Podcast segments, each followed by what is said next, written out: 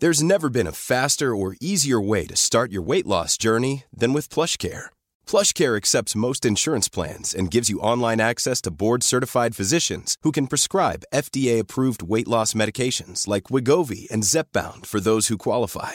Take charge of your health and speak with a board-certified physician about a weight loss plan that's right for you. Get started today at plushcare.com slash weight loss. That's plushcare.com slash weight loss. plushcare.com slash weight loss. Hey, it's Ryan Reynolds, and I'm here with Keith, co star of my upcoming film, If, only in theaters, May 17th. Do you want to tell people the big news?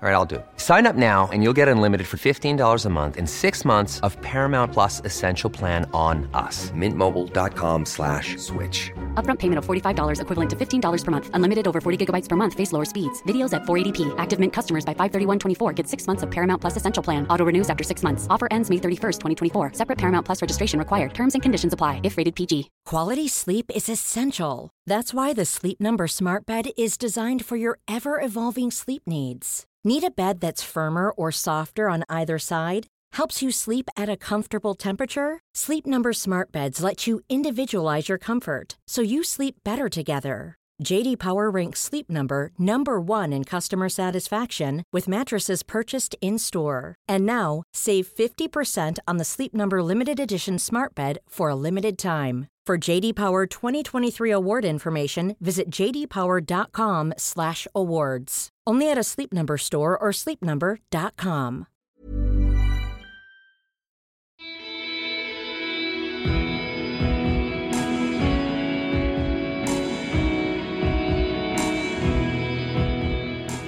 Så velkommen tilbake til eh, del to av eh, årsavslutning eh, 2021, Kaptare podkast. Magnus Toru i huset. Hei. Vi sitter her nede i et studio på Grünerløkka som heter Tid og lyst, drevet av Pia, som har en egen podkast, Pia og psyken. takk til patrons som betaler leien for studio i dag. Uh, veldig uh, viktig uh, å få inn det. Det skal vi snakke litt mer om etter hvert, hva som skjer neste år. Uh, blir litt forandringer. Litt ja, positive forandringer, vil jeg tro. Har litt å fortelle om det. det jeg må si først og fremst, er at vi sitter og nyter et glass musserende fordi jeg har glemt at jeg sa det, men jeg sa til deg, Magnus, at hvis du fullførte Spartalon, skulle du få en flaske champagne. Sa jeg det? Ja, du sa det. Jeg sa det. Så det er grunnen. og det har du minnet meg på mange ganger. Og jeg bare hæ, sa jeg kan ikke så det. Men jeg sa jo selvfølgelig det. Jeg sa det. Mm. Og så sa du ja ja, men altså, det kan være hva som helst musserende og sånn. Og så tenkte jeg men det må være noe godt. Og så er det jo litt gøy uh, at uh, vi kan feire litt, da. Så bare yeah. si uh, Nå er det ikke lille nyttårsaften for oss, men planen er at denne episoden er ute lille nyttårsaften, så da alle begynner å kjenne litt på den derre ja, man skal feire litt og sånn. Ja, og da, nå er det jo fortsatt korona på et vis, uh, så det er jo noen år siden folk har hatt en stor fest, men det er kanskje ikke helt det samme som i fjor, men uh, så noen skal på fest, og noen blir hjemme, og noen har barn, og noen tar det piano og sånn. Mm. Uh, men vi uh, drikker litt musserende nå, bare så dere vet det. så det er sagt, så dere skjønner at hvor vi er akkurat nå, og hvor vi er på vei. det, vi avslutta jo sist, Magnus, med, med bare å komme i mål, egentlig, i Spartatlon. Mm. hvordan har liksom tiden etterpå vært Uh, hvor lang tid tok det for dette å synke inn og liksom få det litt sånn på avstand, da? Ja. Hvor lang tid tar det egentlig? Uh, det tar jo det tar jo litt tid, da. Og det har jeg egentlig ikke snakket med så mange om. Uh, men ja. når jeg kom hjem fra Sparta, så var det jo som om at løpet herja litt med meg fortsatt. Eh, og spesielt da på nattestid. Jeg hadde vel en sånn en uke, i hvert fall, hvor jeg eh, våknet opp om natten og hadde eh, ja, rett og slett sånne svettetokter, da. Og så mareritt om løpet, faktisk. Mm. Eh, jeg drømmer at Eller jeg drømte at eh, ja, at jeg er på vei og at, eh, mot mål, og at det, er, at det er veldig varmt. Og ja, um, samboeren min Stine hun kunne også fortelle at jeg ropte på, på Simen, faktisk. Simen! Så det, jeg husker at ja, det kjentes liksom ut som at løpet drev og, og tulla litt med meg fortsatt. da. Mm. Um, så jeg, jeg, jeg prosesserer vel på mange måter løpet ennå. Um, det er noe jeg tenker mye på, og som, som jeg bearbeider fortsatt, tror jeg. Uh, eller jeg gjør det. Uh, ikke i like stor grad som de første ukene etter uh, jeg kom hjem fra Hellas. Men det er jo klart at dette er jo vært et, eller har vært et prosjekt som jeg har drømt om siden 2019. Mm. Um, og det har vært en lang reise. Uh, og det, jeg tenker at det også krever en slags Det krever at jeg prosesserer, og at jeg bearbeider, og at jeg også forstår eh, hva jeg har vært med på, da. Mm. Fordi dette her er jo mye mer enn bare et ultraløp. Mm. Eh, jeg tror egentlig ikke folk helt forstår hvor stort det er, og hva det er. Eh, så jeg kan i og for seg bare oppfordre alle som, som lurer på Spartatlon og lukter litt på det. Delta. Uh, og så forstår du, eller forstår dere, hva jeg prater om. Hva- kan det sammenlignes med, for de som har løpt 100 miles, et 100 miles løp for eksempel? Uh, det er langt, Langt forbi. langt fra det. Mm. Uh, men jeg tror også med Spartatlon at det er det er så mye mer enn bare distansen. Én Ja. ting er liksom 246 km, det kan du forstå i og for seg eh, ved å ha løpt et 24-timersløp.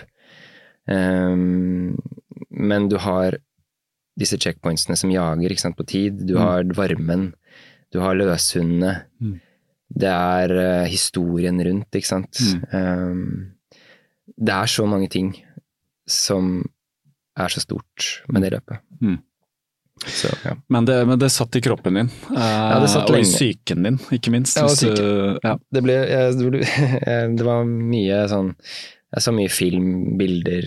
Mye handla om Spartatlon, Mm. også etter Spartatlon. Ja. Så jeg tror eh, Stine har fått sin dose med det. Ja. Uh, ungene har fått sin dose med det. uh, alle har vel egentlig fått sin dose med det. Ja. Uh, jeg har sett film, har lest enda mer om det.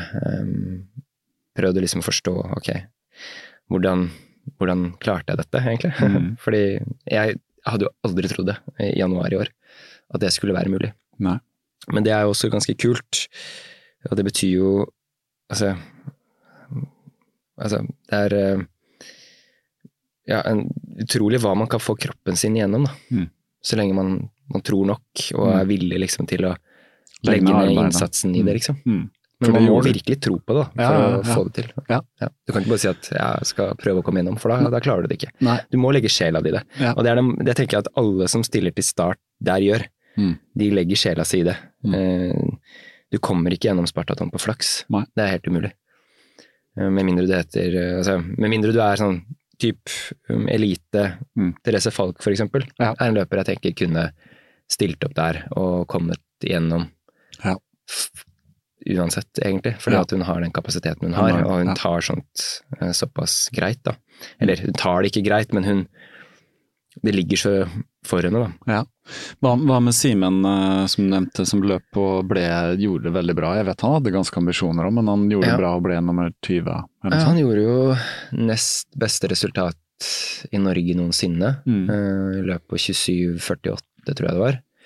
Uh, det er bare én nordmann som har løpt fortere, Uh, og han ble vel nummer 20 totalt. Ja. Eh, og det er jo kjempebra. Eh, Simen var vel ikke helt fornøyd med det selv, han hadde jo større ambisjoner. Mm. Han skulle vel helst ha stått på pallen, eh, Mm. og det tror jeg også at Simen Simen er god nok. Mm. Men jeg tror at det var en del ting ved løpet som han ja, ikke hadde forberedt seg godt nok på. Mm. Eh, og så had, fikk han jo også en skade rett før, da, som gjorde at han fikk jo ikke en optimal oppkjøring. Nei. Men jeg tror Simen Holevik i eh, 100% form, eh, med de riktige forberedelsene, han er kapabel til å, å vinne Spartatlon. Mm. Og det hadde vært utrolig kult om en nordmann også hadde klart. Ja. Det er ikke mange nordiske som har, uh, har vunnet Spartatlon. Jeg tror det er én svenske uh, som har gjort det en gang, Ja, okay. tidlig på 90-tallet. Ja. Husker ikke navnet hans nå, men uh, jeg mener at det var en svenske som har gjort det. Og så er det vel også en nordmann i 2005, Jo Inge Berge, var, kom på tredjeplass Mhm. på tiden 25 eh, 45, tror jeg. Mm. Som også er en veldig god tid. Ja, det er det. Eh, så har det også vært noen eh, Det er ti kilometer i timen ca. i snitt. Ja, Ja. så er det um, finske Nora Honkala, um, som også har gjort det veldig bra. Mm. Ble vel nummer tre i år. Ja. Også kapabel til å vinne hele Ja. løpet. Altså. Så Ja. vi har noen gode nordiske der ute. Jeg kan absolutt anbefale flere nordmenn til eh, å både kvalifisere seg og, og søke Spartaton, fordi det er et løp som det er verdt å oppleve. Eh, og det hadde også vært veldig kult med et litt større norsk lag. Vi var vel et av de minste lagene der nede. Ja. Tre deltakere. Og vi hadde ikke noe landslagsdrakter, holdt jeg på å si. Det var jo mange lag som hadde det. Ja. For det blir, det blir litt som et sånn mesterskap? Et, det føles ut som en ja. sånn Ja. eh, altså det, det Særlig engelskmennene, skjønte jeg, Ja, engelskmennene er store. Og så har du, har du Sloak, det er Tsjekkia, eh, Ja. som også er ganske store der. Og så er det Skal vi se eh, Ja um, det er, det er flere som, som, som lager mye av det. Svenskene også har jo et lag. Eh. Nederland. eh, så det, det føles ut som en slags eh, mesterskap i, i ultraløp Ja. når det er der nede.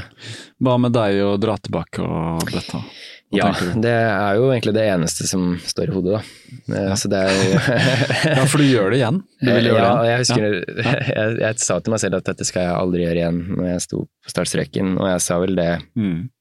til meg selv helt til jeg var i mål, at eh, dette, dette gjør du én gang, og så er du ferdig med det. Men eh, nei, det, det må bare oppleves en gang til. Eh, Det er så stort, og det er så enormt, og de, de følelsene du får, det er jo en, det er en rus. eh, Ja. Så Ja. det er klart at jeg har veldig lyst til å kjenne på de følelsene igjen. Um, men i hvilken form, det vet jeg ikke helt. Nå har vi noen prosjekter på gang, da. Eller jeg kan jo si det her på podkasten også, kanskje. Men um, Simen Holvik, jeg og ja, muligens også noen andre planlegger å løpe back to back, da. Eller løpe den originale ruten som Fidippides løp. Mm. Det vil si, altså, han løper jo ikke bare fra Aten til Sparta, han løper jo også fra Sparta tilbake til Aten, og fra Aten opp til maraton. Mhm. Så um, den originale ruten er vel på ja, rett i underkant av eh, 600 km, tror jeg. Mm. Så planen er bare å reise ned dit med ryggsekk og det man trenger av eh, altså de aller viktigste tingene. Mm. Det er jo egentlig ganske mye som er viktig på et sånt langt løp, Ja, ja, men vi får ja. se. Det blir litt sånn ultraløpingens Robinson-ekspedisjon. Bare tannbørsten med. Ja. Da, ehm, og så får vi se hva det, hva det blir til. Ehm, nå må jo man må jo trene til dette her, og det er fortsatt en del forber forberedelser som gjenstår, så vi får se eh, hvordan det blir, eller hva det blir til da, for min Mm. del. Eh, Simen Holvik er ganske Han er klar. Han er klar, Mm. eh, og han har absolutt også kapasiteten til å klare noe sånt. Ja. Mm. Men det er litt på planleggingsstadiet, det kan vi komme tilbake til. Men det høres jo ut som et uh, Hvis du sier et beist å løpe Spartatlon, så høres det ut som et beist. Men da skal vi dele det opp, da, sånn at Ja, vi, vi sover litt og Ja, det men det Det, er klart. Um, Ja. Tanken er jo å gjøre det i Men det I ligger jo litt naturlig i Når du først har klart noe, så har du lyst til å liksom Ja, selvfølgelig gjøre det samme på nytt med de erfaringene du har og, Mm. og bedre og sånn, men å, å gå lenger og lenger og lenger, det ligger jo litt for oss. Ja, Eh, og det er jo nesten det blir òg. Det går Ja. ikke an å løpe SME lenger, for min del. Det- funka tre-fire ganger. Ja. Og så må du liksom bevege deg over til noe mer eh, ekstremt, og så blir det liksom 24-timersløp. Ja. Og så gjør du det noen ganger, og så er jo det selvfølgelig også veldig moro. Men uh, man trenger liksom noe enda større for å Ja. kjenne på en dragning og motivasjon rundt det. I Mm. hvert fall for min del, da. Mm. Mm. Ja, det gjelder nok. Det gjelder nok mange, men jeg tror deg med flere som er liksom litt sånn ordentlige ultraløpere, da. Det Mm. virker som det er uh, ja, enten det handler om liksom lenger eller større eller mer eller fortere eller ja. Mm. Det er en egen dragning. Ja, det er Eh, har, du, har du tenkt på hvor det kommer fra, eller hva? Hva er det? Det, altså min dragning til ultraløp. Ja, eller mot å ja, gjøre noe mer lenger, eh, drøyere.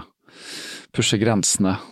Ja, nei, altså det har jo Utsette seg selv for uh, dødsfare. ja, det er nettopp Nei, det er Du snakka mange... om sist at du, du var sikker på at du skulle. Ja. Ja. Jeg vet ikke, altså det er jo mange årsaker til at man har endt opp sånn, tenker jeg da. Mm. Alle har jo sin historie, eh, og den bærer vi med oss. Um, Jeg, jeg føler vel at det er en måte å bearbeide ting på, for min egen del. Ja. Um, Det å løpe er på en måte ja, en slags meditasjon, da. Mm. Hvor jeg får prosessert uh, tanker, følelser, Mm. ting som er vanskelig. Um, ved på en måte å være i en smerte. Altså å grave seg inn i, i mørket, da. Mm. Um, Mm. jeg har liksom behov for å gjøre det, og jeg tenker at det er en sånn en god måte å, å kunne gjøre det på, eh, uten at man liksom um, ødelegger seg selv, eller uh, altså, Prøver i hvert fall da å ikke ødelegge seg selv med skade og sånn, men ja. Men du vet jo at det er Ja, det, det kan belaste. Altså, Det kan jo belaste. Ja, og det har det gjort også. Vi, vi kan jo komme inn på det, for at uh, etter Sparta Spartaland, unnskyld. Mm. Så var det Bislett 24. Mm. Så du var i gang igjen. Litt tvile måtte du ha. Mm. Oktober kommer. Men så er du i gang igjen og løper og tilbake på jobb, og, hvordan, og du sliter litt om nettene og sånn. Men hvordan føles kroppen når du begynner å løpe igjen uh, i høst? Nei, altså det jeg, jeg begynte jo for tidlig på. Ja. Det kan jeg si sånn i, i retrospekt at det, det blir jo litt sånn mye vil ha mer, da. Mm. Så jeg ville jo um, Jeg ville jo veldig gjerne gjøre det bra under eh, NM i 24 timer. Mm. Uh, så jeg satte i gang med trening igjen sånn ja, ordentlig, kanskje tre uker. Mm. På tredje uka, da, etter Spartatlon. Mm. Og begynte å løpe ja, Begynte med 100 km en uka der, og, og bygde gradvis, da. Men jeg ble jo uh, mye syk. Uh, fikk forkjølelse. Um, det var mulig også at jeg hadde Eller legene tror at jeg har hatt kyssesyke, da. Ja. Og at jeg har trent med kyssesykevirus i kroppen. Mm. Uh, og det kjente jeg også på den, uh, ja, den der uken Tre uker, fire uker før Bislett, hvor jeg da skulle ha en peak da, med mye mengde. Mm. Eh, da ble jeg veldig syk, rett og slett. Mm. Jeg løp 160 km på en uke, og ble da kjempedårlig eh, mandagen etter den uken. Mm. Fikk et sånt frostanfall og ja. Ble eh, rett og slett veldig dårlig. Men du, du, du led litt av også, eh, sånn som veldig mange av oss, at når liksom ting åpna litt igjen, og sånn, så var det voldsomt med sykdom og alt som, Mm. som, som kom inn, altså. Ja. Eh, vi fikk jo vaksiner, og jeg fikk vel min i september. Du fikk din litt før min, for du er jo i et yrke og sånn. Ja. Og så åpna vi opp, men det kom jo innmari mye Ja bakterier og virus, og det var mye sykdom i omløp. Alle jeg snakka med som jeg kjenner som har barn, særlig barnehagebarn, skolebarn, Mm. veldig mye omløp. Uh, og det vet du du fikk kjenne på, for jeg var jo oppe og hadde en løpetur med deg Ja. på Ekeberg.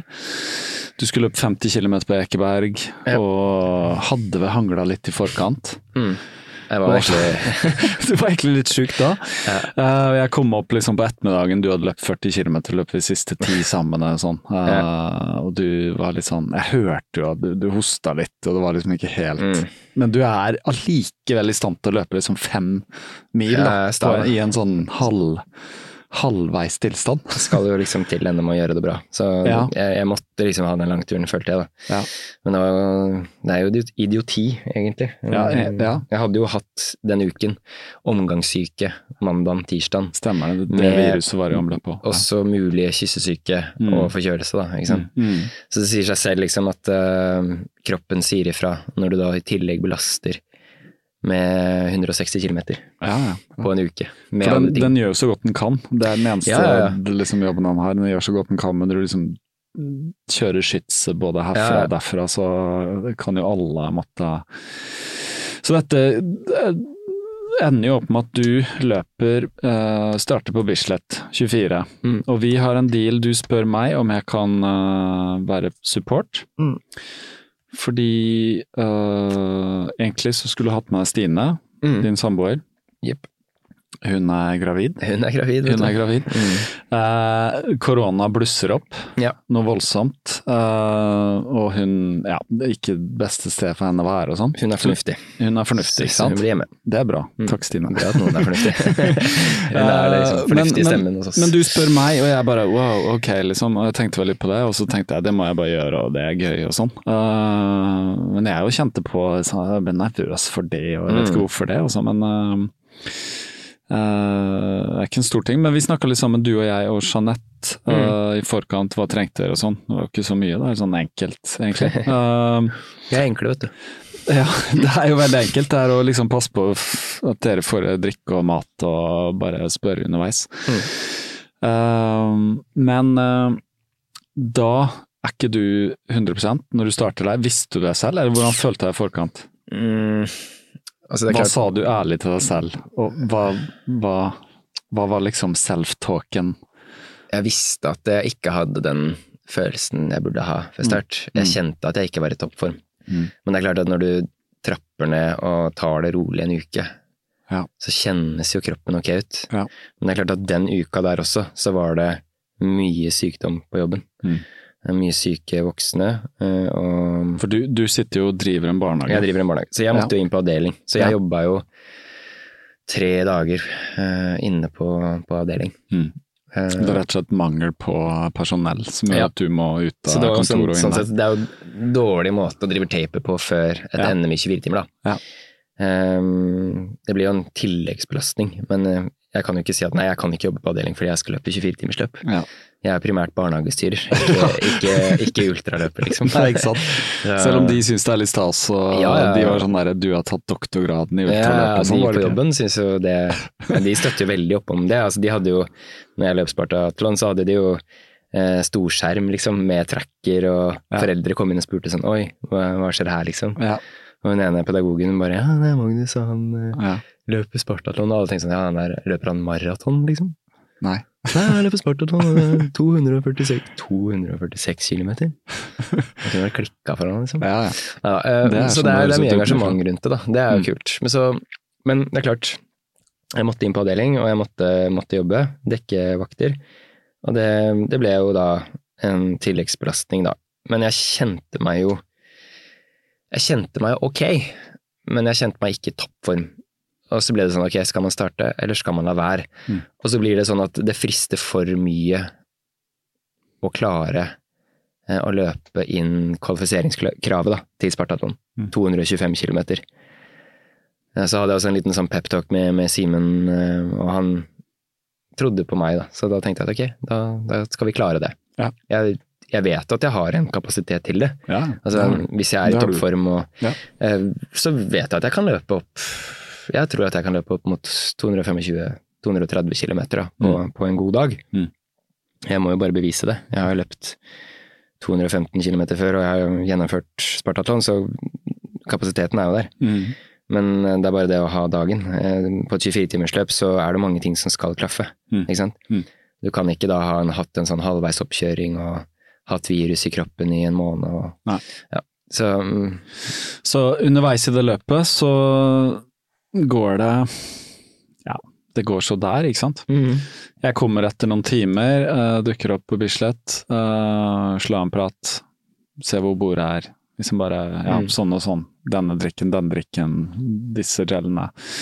Slår en prat med andre folk, og det er bare hyggelig, men du merker at jeg sliter sånn jeg, Man innrømmer jo ingenting for seg selv sånn, før det har gått en liten stund. Nei. Eh, Man er jo liksom i fornektelse, men jeg kjente allerede etter en time Mm. at dette funker ikke. Mm. Det, det var bare slitsomt alt sammen. Og Mm. jeg, jeg holdt jo holdt et relativt lavt tempo. og Det var ikke noe feil i forhold til tempoberegningen. Det var bare at kroppen ikke takla det. Mm. Det var uh, helt off med en gang. Mm. Uh, og jeg begynner med sånne tåpelige strategier som man egentlig skal gjøre mye senere på et 24-timersløp, da. Som å gjemme seg på do. eh, Ja. bruke litt ekstra tid på stasjonen. ja, Altså, og da taper man fort eh, distanse, da. Ja. Eh, og jeg så også på pulsen at den eh, den var eh, altfor høy. Mm. Um, Ja, det nevnte du. så etter to timer så begynte jeg å tenke på sånn at jeg burde jo bryte, Mm. eh, for det her er bare dumt. Men så Jeg har jo en hjerne som er skrudd sammen sånn at man kan jo liksom ikke gi seg. Altså, det kan skje ting, det kan bare kjennes dårlig nå, og så kan det endre seg. Eh, og så får du kanskje Jeg fikk en sånn liten sånn liten godfølelse da, uh, mellom time to og time tre. At liksom ok, dette kan funke, du kom innom, Mm. det er Bislett 24, um, Stemninga er god. stemninga er god, Mm. Uh, det er noe musikk som funker. Mm. Men så dabba det av veldig fort, da. Mm. Og da begynte vi å snakke sammen. Eh, Og så hadde vi også litt sånn kontakt med, med Simen på telefon. Ja, du ba meg sjekke med han, så jeg ringte han. Uh, han var sånn, ja, rolig, ser litt an, og jeg fortalte litt om bakgrunnen. og Mm. det ikke så, ja, ser litt an, og ser hvordan det går og sånn. Så en riktig tankegang, altså, Ja. fordi man skal Altså, det bør i hvert fall gå en seks timer der før man på en måte tar status mm, i et 24-timersløp, Ja. tenker jeg. Eh, fordi jeg har jo løpt løp før, og kroppen har liksom brukt litt tid på liksom å justere seg. Ja. Um, men jeg kjente jo Altså, jeg, jeg jobba altfor mye. Um, jeg Ja. klarte ikke tempoet. Det, det var sånn jeg begynte å bli Altså, jeg sakka veldig ned på farten, og så ble jeg eh, tatt igjen av Altså tatt igjen og tatt igjen, men det var løpere som holdt et høyere tempo enn meg, som jeg vet liksom at ok, jeg skal ikke bli tatt igjen av de nå. Altså, de, de kan godt ta meg igjen eh, på time 18 fordi at de har en bra flow, og at jeg på en måte er litt på en low, men mm, det skal ikke skje nå. Og, og da kjenner du på en enda mer sånn Det blir en sånn demotivasjon ja, i det, da. selvfølgelig. selvfølgelig. Mm. Nei, så vi ble i hvert fall enige om at uh, du skulle holde på litt til, og det litt til og litt til. Det endte jo opp seks-syv timer, tror jeg. Mm. Syv timer. Du uh, løp 70. Det var sånn, ja, jeg kan i hvert fall løpe 70, og så løp noen runder til. Så det var sånn, det var sånn jeg, skjønner, jeg skjønner det. Det er sånn, Ja. hvordan det ser ut. Jeg forstår Jeg hvordan du tenker. For Ja, nå, er det på, nå står det liksom på DUV at jeg løp syv mil på et 24-timersløp. ja ikke sant. Jeg kunne jo vært eh, smart og gitt meg før maraton, så Ja, hadde jeg ikke fått det på statistikken. Aha, aha. Det vet jeg ikke hva er, men det er en sånn statistikk? Det er en sånn side, Ja, en sånn tysk side som fører alt av, um, alt av um, ultraløpsstatistikk Ja, ok. da, fra hele verden. ja. Så da har alle, som har, du òg, som har gjennomført et ultraløp, får en sånn side Ja. hvor alle ultraløp loggføres. da. Ja, Det er litt gøy å vite. Må skrive ned. Hva heter den DUV? Ja, DUV. Eh, Jeg tror det er Deutsche Ultramarathon Verungen, Verungen eh, Duv? Altså ja, duv. DUV. dot- Og dot- duv.org. Ok, ja, for lenke til det. Duv.org, morsomt. Uh, ja, det er jo en uh, Alle syns det er gøy å stå i en eller annen statistikk et eller annet sted. Ja, ja. Se, jeg syns. Det er ikke så gøy med syv mil på 24 timer. Nei, det er det ikke. Men uh, ok, så du bryter, og jeg tenkte jo at det var bare klokt. Mm. Og jeg må innrømme at natta før det så hadde ikke jeg sovet, faktisk. Nei. For jeg hadde ikke kommunisert ordentlig til min kone at jeg måtte stikke av gårde tidlig. Nei. Eh, og hun trodde heller ikke at jeg skulle være der hele natten, så det var sånn, det var, var på min kappe. Så vi hadde en diskusjon i forkant av kvelden før, da. Så Mm. jeg lå, kjente på dårlig samvittighet både i den ene og andre retningen. Ja, så jeg var sånn, bra. Nei, det var ikke bra, men det var, det var på min kappe. For det, hadde, eh, det er rett og slett noen ganger så må man bare være du vet, god på å kommunisere. Bare Ja. fortelle noen tydelig og klart uh, dette skal skje og sånn og sånn. Og det er ikke alltid jeg er like god på. Og jeg kan være litt spontan nå. Impulsiv. Yeah. Uh, men vi fikk det hyggelig der oppe. Uh, når du brøt, så løp jeg bort og kjøpte to uh, halvliterøl Mm. til hver av oss. Og så satte vi oss ned og bare slo av en prat med litt forskjellig Ja. og titta litt. Jeg syns det var kjempegøy. da. Ja, det var veldig jeg tok jo masse bilder, og de bildene har jeg vært igjennom. Jeg har så mange. Um, og jeg tenker at mange av de som løp der, antagelig har lyst til å se de. Uh, og det nevnte jeg sist podkasten òg. Så jeg må bare få lagt ut de på et eller annet tidspunkt på en side som alle som løper egentlig kan ta seg en titt på. Så kan de få uh, se de bildene og se om det er interessant. Uh, Det tenker jeg det. Jeg jeg, tror, jeg tror det, det er mer sånn dokumentarisk stil på de bildene, og jeg har sett gjennom de, og jeg bare Når jeg ser på de bildene, så får jeg en sånn følelse av hvordan det er. Mm. Eh, Du vet, gjennom en sånn dokumentarisk preg, da, for jeg bestemte meg for at alle disse bildene skal være i sort-hvitt. For det lyset der er grelt, og farger er ikke viktig og sånn. Jeg vil ha fram Du vet når du fjerner farger i et bilde, så tar du bort et filter som gjør at du, Mm. du fjerner litt mer fra virkeligheten. Da. Ja. Og du kommer litt tettere på, du ser tydeligere Mm. ansiktsuttrykk og du ser tydeligere komposisjon. Og sånn. så det er veldig mye gøye bilder der. Ja. Jeg har sendt et par over til dere som uh, dere har sett, men det er, liksom, det er kanskje 200 til bilder da, som er verdt å se. Du kan jo sende det til eh, Olav Engen i Romerike ultraløperklubb. Det kan jeg også, ikke sant? Ja, det, er sånn, det er er Ja. en side der hvor de Ja. legger ut alt fra Bislett. Ja, ikke sant. Så, men for meg som kom litt sånn utenifra, så må jeg bare finne ut uh, hva jeg skal gjøre. Det kan være at uh, jeg kan sette en symbolsk pris, og så kan det gå til støtte på podkasten om. Det er noe jeg har tenkt. Uh, Rett og slett. Det skal jeg finne ut av. Men Så det avslutta litt løpeåret for din del, Bislett? Ja, Ja. og etter det så har det jo vært mye sånn Ja, mye prøver eh, hos legen og sånne ting, da. Fordi man har Jeg var og tok flere blodprøver i forhold til at man fikk utslag på, på kyssesyken og sånn. Ja. Um, og så har jeg kjent meg litt sånn halvveis. Jeg har forsøkt å komme i gang igjen med, med løpingen og sånn, men uh, det har ikke funka. Det har bare vært slapt og, og dårlig, rett og slett. Ja. Eh, og det siste jeg fikk vite av min fastlege, var at eh, hun tror det er noe som heter for eh, postviral utmattelse. Mm. Eh, fordi at jeg da har trent såpass hardt med virus i kroppen, Ja. så reagerer kroppen sånn som den gjør nå, da. Ja. Men, Så det er, det er et medisinsk Ja, det er det. Ja. og det er for de som har hørt den I det lange løp med Jan Post og eh, han Mm. løpelegen, så tar de vel også opp en del ting der Mm. uh, som passer veldig godt i forhold til beskrivelsen av mitt problem nå, da. Ja. Um, så det, man skal være forsiktig, rett og slett, med Ja. å trene selv om man tror man er Supermann, så er det ikke sånn at kroppen nødvendigvis responderer så godt på det i etterkant. Og da kan restitusjonstiden bare ta enda lengre, da. Ja. enda lengre tid, rett og slett. Så hva er på en måte hva, hva hvilken, hvilken konklusjon er kanskje litt tidlig å si, men hva, hva tenker du da? Sånn, Mm, nå? ja. Altså sånn Nå er det jo jul og vi skal ta Ja, ja. oss ferie og sånn, men hva tenker du sånn, hvor lang tid burde du ta deg nå da? Nei, For det er jo alltid det, man, man skynder seg litt. Januar, tenker jeg da. Ja, Okay, jeg tar Men altså, jeg burde jo hørt på deg, sånn du sa sånn, da måtte du ta det med ro og sånn. ja, bare, nei, jeg, jeg sa det, jeg var litt du- sånn nå, nå er jeg litt sånn livlegen din, liksom. Ja, du bare, nå må du ta det med ro. Du burde ikke stille på Bislett. Jeg bare, ja, men Ja, ja, ja. jeg Jeg, det. jeg, eh, for at jeg, har, jeg er ikke investert i det eh, sånn sett, ikke sant. Nei, du ser så- det utenfra. Jeg ser det utenfra, så hvis jeg bare bryr meg om eh, på en måte både hvordan du har det nå, men også hvordan du skal ha det på lang sikt, da. Mm. Så, så det var derfor jeg maste sånn ta det litt med ro, og, Mm. og så var jeg litt sånn der eh, pass på alt mulig annet, og søvn og Mm. i forhold til kramper, magnesium og sånn. Eh, men det er ikke så mye, jeg kan ikke gjøre noe. Men uh, når jeg ser deg, så tenkte jeg at Som du sa, du er 35. Mm. Eh, du har så innmari god tid. Ja da. De fleste piker jo ultra når de er 40-45, eh, og nå også eldre. Mm. altså, jeg vet ikke. Hvor gammel er Eyolf, forresten? Han er vel å, um, 60? 67, nærmer seg. 67, ikke Ja. sant? Og stiller i Spartaland. Jeg, jeg glemte å spørre hvorfor han brøt, eh, Mm, faktisk.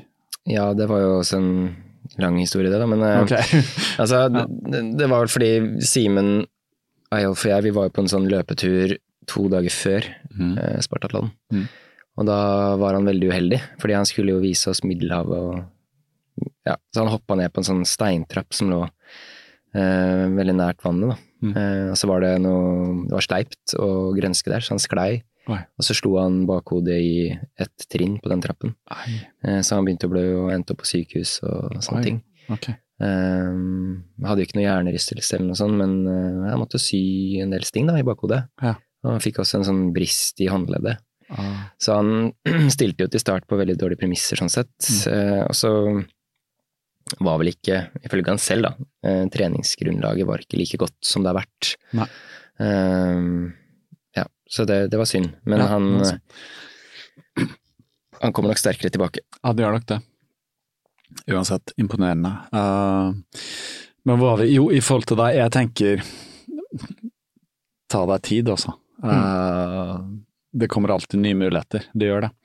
Så det er ofte sånn at vi tenker at vi har uh, Vi må skynde oss tilbake og ja, det, det, det neste og det neste og sånn, men nå får du jo også du, du får jo et nytt barn, da. Ja. Eh, når, når er termin? Termin i slutten av april. Ja. Så ja, det går fort det òg. Og så skal, det. skal flytte og Ja, Det er veldig mange ting som, som blir viktig. Eh, første Men kvartal. er det, har du en litt sånn Blir det litt sånn konflikt, eller sånn? Eh, ja, det Ja, gjør det. ja. Eh, jeg trenger, altså, denne ultraløpingen er jo veldig viktig for meg. Ikke sant? og det, det ser jo de rundt meg også. Mm. Så Stine er jo veldig god sånn sett. og Det har vi snakka om før. Mm. At hun, hun lar meg holde på, er opptatt av at Eller hun vet at jeg har det bra Mm. når jeg kan drive på med det. Mm. Så hun legger jo veldig til rette for det. Eh, Men det er klart at eh, Jeg tenker at jeg også må Altså, det viktigste jeg kan gjøre nå i 2022, sånn, er jo å legge til rette for at alt skal gå bra med, med barn og med flytting og sånn. Mm. Det er jo det aller, aller viktigste som, Mm. som skjer eh, på vårsesongen. ja. det får, altså, jeg tenkte sånn at jeg burde melde meg på Bislett 50 og jeg burde gjøre sånne ting, men eh, jeg tror det er en dum idé. Mm. Og så får jeg heller ha den der, det prosjektet med Simen. Det får være en sånn gulrot for å, trene. Ja. Um, og så får jeg søke Spartatlon 1 på gjennomføringen min i år. Mm. Eh, Men utover det så tror jeg på en måte at jeg ikke kommer til å ha noen sånne store, store ambisjoner for 2022. Nei, Fordi det i er hvert fall ikke på liksom denne siden av det, er- det er så mange andre ting som er viktigere da, eh, Ja. i 2022 enn Og hvis du ser på det helt, eller helt objektivt, det er ikke mulig å se på noe, men uh, hvis Nei. du ser på det litt sånn, ok, det har jo ikke noe å si egentlig, for Nei. det lange perspektivet på, på ultraløpingen. Jeg tenker at jeg har hatt, eh, som du sa, jeg er fortsatt ung, og jeg har hatt, har jeg hatt mange løp allerede. Jeg har vel eh, Jeg husker ikke hvor mange, men det er noen og 30 ultraløp allerede. Ja. Eh, Hvor mange hundre miles eh, eh, Det vet jeg ikke helt. det var at Jeg kom plutselig til å tenke på han, eh, Tre-fire han 100 miles eh, Ja, Henning Lauritzen. Henning Lauritzen. Mm. Ta igjen han. Mm. Nei, det, ja, det får være hans prosjekt, Ja. holdt jeg på å si. Ja da. Jeg får ta igjen Eyolf på, på Spartatlon. På antall Spartatlon. Ja. Eh, når begynte han forresten? Mm, han begynte i, eh, skal vi se, jeg tror det var 1995 Ja. han gjorde sitt første. Og det det som er litt kult med den, for de som går inn på eller jeg har sett litt på Wikipedia, da, så ligger jo alle gjennomføringene ute. Og det som er Mm. morsomt med den listen, er jo at han har, av de 30 gjennomføringene som er, Mm. så har han halvparten av de. Nei, ikke sant. Så det Wow. Ja, det er ganske mange. sier jo litt. Nei, men ok, så vi kan være enige om at uh, nå er det ja, nå er det jul og nyttår, og så starter det på nytt. Og så er vi fortsatt litt sånn uh, en vinter med korona og nye, ja, den nye varianten osv. Og, så og du er i en jobb som er ganske krevende sånn sett. Jeg vet at dere måtte vel stenge nå. Ja, Dere er jo ikke de eneste. Eh, mistanke om omikron. Samme i barnehagen til eh, en gutt jeg er onkel til. Ja. Måtte bare stenge av. Det var sånn Foreldrene bare Å ja, det var ikke helt med i beregningen, nei. Så, ja, så ting er litt sånn krevende på mange fronter, faktisk. Så, så jeg bare tenker at, at du har gjort ett Spartatlon nå, uh, på kommer- 35 år. Du får bare ta det med deg, altså. Og så skal du leve ganske mye lenger. Ja, det skal jo det. Ja. Så er jeg jo den nest yngste i Norge som har gjennomført det også. Hva skjedde med han yngste? Er han fortsatt? Eh, ja, jeg har prøvd å faktisk eh, Han er en dyktig 24-timers løper også. Jørgen Lien heter han. Ja. Han har vel løpt Han var vel 23 eh, når han løp sin lengste 24-timers. Nei. 240 km. 23 år gammel? 23. Yes. Og han gjennomførte sitt første Spartatlon da var han 27 år. Ja. Så han var tidlig på ultra? Han var tidlig på. Jeg, Ja. jeg vet, Han er ikke aktiv lenger nå. Um, jeg jeg prøver liksom å finne liksom mer info om han, men Ja. finner ikke noe. Nei. Vet ikke om han hører på podkasten engang. Kanskje, hvis han gjør det, så Ja. får han sende, meg, eller sende deg en melding. Da. Ja, ja, ja. Bare gjør det. Ok, men øh, Ok, så en ting øh, Ja, hva skjer 2022 har jeg skrevet, men øh, det har vi snakka litt om. Men det første hva er, det, hva er det første du har lyst til å gjøre, da? Det er kjedelig, da. Kvartalton. Ja, ikke sant? Nei, eh, jo, det er det, altså. Ja. Det er, Eller det, er har- det som betyr noe nå, alt annet blekner litt. altså. Det som på en måte motiverer nå, er jo det prosjektet til Simen. Ja. Eh, Det kjenner jeg liksom at jeg har lyst til å gjøre. Ja. Eh, Og så har jeg lyst til å søke Spartatlon, og så er det de to løpene jeg tenker at jeg skal fokusere på. Mm. Og så er det den der uvinnelige kampen mot uh, sub 3 Ja. på, på maraton for min del, da. Ja.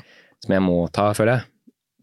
Så den, den tror jeg ja, Jeg tror den er urealistisk, da. Ja. I 2022. Ja. For jeg vet liksom hva som kreves for min del Ja, av et sånt type resultat. Du har løpt på tre, tre timer og Tre blank eh, 26. 26 sekunder. Ja, 26 sekunder. Så den, Det er nesten latterlig. den er urettferdig. Ja, det er den er bare slem. Ja, ja, det, er- det, er- litt Men jeg driver og er sier til meg selv sånn, fordi jeg, jeg, jeg, jeg løper den inne på Bislett 50. Ja, nettopp. og der er maratonposeringen litt Altså den, siden man løper runder, Ja. så er det 200 meter, tror jeg, um, ekstra på maratonpassering. Ja, okay. Så jeg mener at hvis jeg hadde sluppet de 200 meterne, så hadde jeg vært på Selvfølgelig. Det tar 2.59,59. lengre tid enn 26 sekunder å løpe 200 meter. Ja, Så jeg mener at jeg hadde Ja, klart så du må ut i et løp, du. Men det er liksom, jeg tenker at det er en annen prioritering, da. Ja, Det er jo det. Så glem det neste år, så får vi se videre. Mm. Og så er det, tenker jeg altså, coaching for min del. Det har også vært en greie nå Ja. denne høsten. Jeg har jo hjulpet deg litt, og jeg hjelper også andre løpere Ja. med å nå sine mål. Jeg kjenner at det også er en veldig morsom greie som, som gir meg mye, da. Det er klart. Eh, og det også kan være en greie som jeg kan fortsette med etter at jeg kanskje eh, må legge opp som ultraløper selv, Mm. eh, og veilede andre. Ja. Det er kult. Helt klart, for jeg tror ikke, jeg tror ikke akkurat ultraløping blir noe mindre. Nei. Det, det er ingenting som tyder på det. Og det er jo klart at Nå det, er- Du nevner det med coaching, vi ser jo det i dag at eh, veldig mange er jo villige til å legge ganske mye både tid og penger i å oppnå sine mål, da. Mm. Og det er- skjønner jeg jo. Det er jo sånn det funker, det.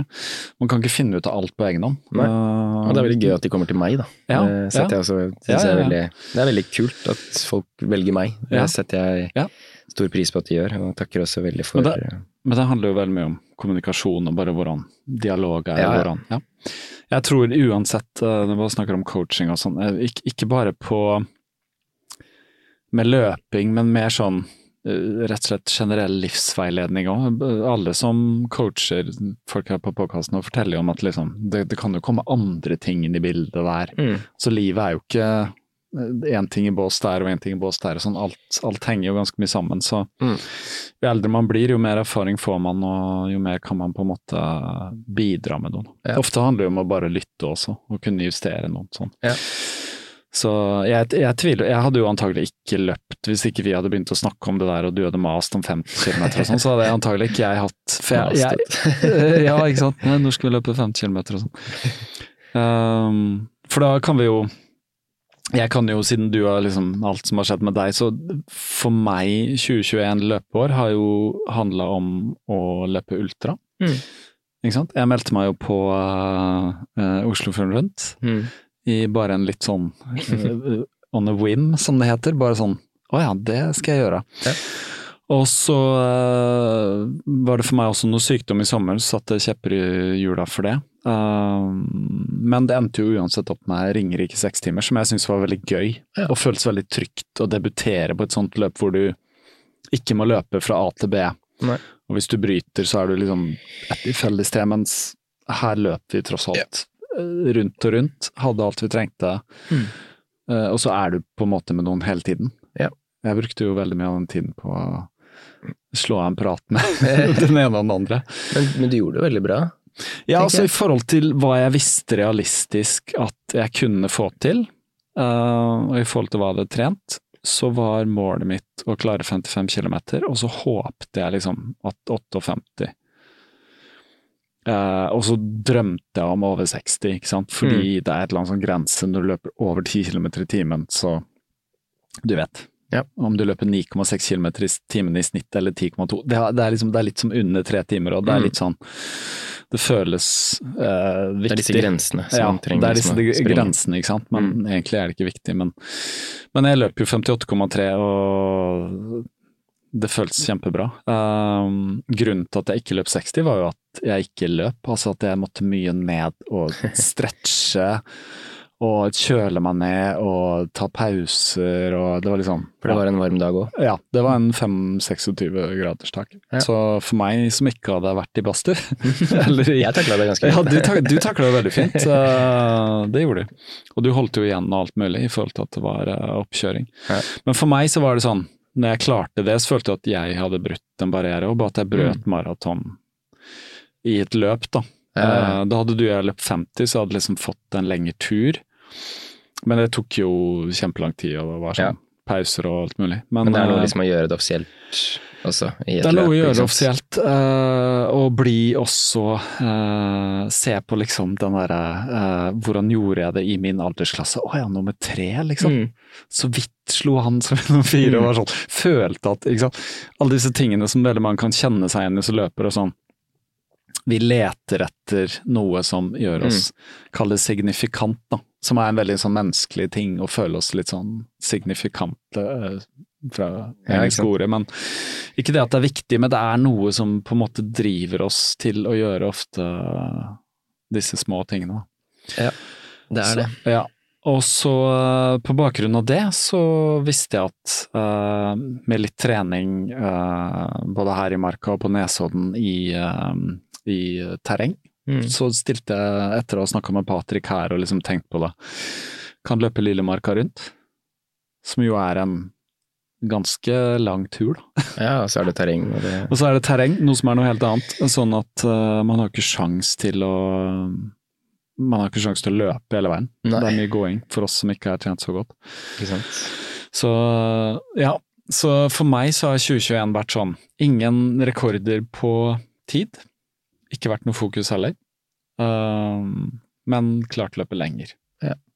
Så Og det var vel egentlig målet, var det ikke? det var liksom målet. Det var det med, med tanke på at ja, korona. Det har endra Ja. alt. Det har det. For Ja. meg som er løping. Uh, det, og en annen ting som, eh, som vi har snakka om på løpetur og sånn, men som har vært utrolig heavy for meg rent psykisk, har vært i en veldig slitsom jobbsituasjon.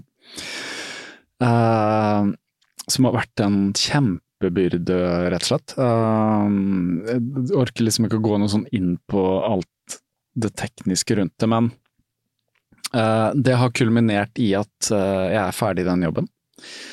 Eh, og faktisk uh, uh, Ja, jeg må bare si det. Jeg, jeg slutta ikke frivillig. Uh, firmaet gikk rett og slett nesten på dunken og måtte si opp flere. Så det er litt sånn For alle som har vært i en heavy jobbsituasjon, så kan du bare tenke deg selv at det ble ikke drevet særlig godt. da. Men jeg lærte enormt mye. For det er liksom viktig å få med seg for å kan si sånn at ok, det var en tøff situasjon og sånn, men etter, nå har jeg bare slutta der i er slutten av november, men i etterkant så har jeg bare vært sånn ok, det var utrolig heavy mens jeg var der, men uh, jeg har lært så vanvittig mye at når jeg har fått det litt i retrospekt, Mm. så er jeg bare sånn wow, eh, akkurat som du har kommet et steg videre, skjønner du hva jeg mener? Yeah. At man er liksom uh, Ja, man er forberedt på noe helt annet. Oi! Der tok telefonen her. Ja, det var litt morsomt. Vi har hatt en livestreaming på øh, via en sånn uh, liten gimbal her, og nå bare skrudde den seg av. Ja, akkurat når jeg snakker om det her, så det Jeg vet ikke om livestreamen pågår ennå, kan du sjekke det, det- forresten? hvis, hvis den gjør det? Nei, Så- den har, jeg tror den har gått en stund, men den holder vel kanskje bare en time. Vi, Ja, kanskje.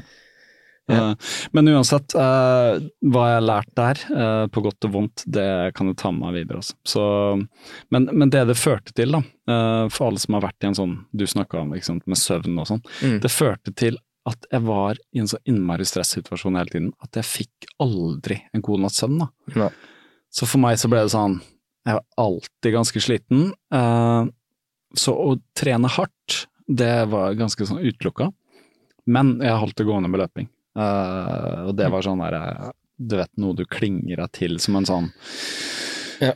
eh, utrolig viktig ting i hverdagen. Bare hold det gående med løping. Uh, det fysiske og det du sier, det meditative, bare være der ute og da er det ikke noe Ingenting er jo trøbbel når du Nei. løper. Altså, hvor enkelt kan det bli, liksom? Det er liksom løsningen. Ja, det, det er løsningen, sant. Eller er i hvert fall en eh, Det er i hvert fall en, et rom du kan være i, da. Mm. Hvor alt føles uh, bra og trygt og Mm. sånn. Og så er jo løping mye forskjellig. Trener du til maraton, så ok, så har du programmet ditt, og så banker du ut liksom langturene, Mm. uh, intervallene, tempoøktene, kanskje noen styrke. Så er det veldig sånn strukturert. Er For meg har det ikke vært det. Bare hatt et mål Mm. hver måned. Jeg må få inn 200 km. Ja. Det er liksom et minimum. Du vet, den badgen på Strava, snakker om Strava. den badgen på Strava ble sånn, den måtte jeg få, da. Ja. Det var sånn Jeg aner ikke eh, hva du snakker om, men eh, Nei. Alle så.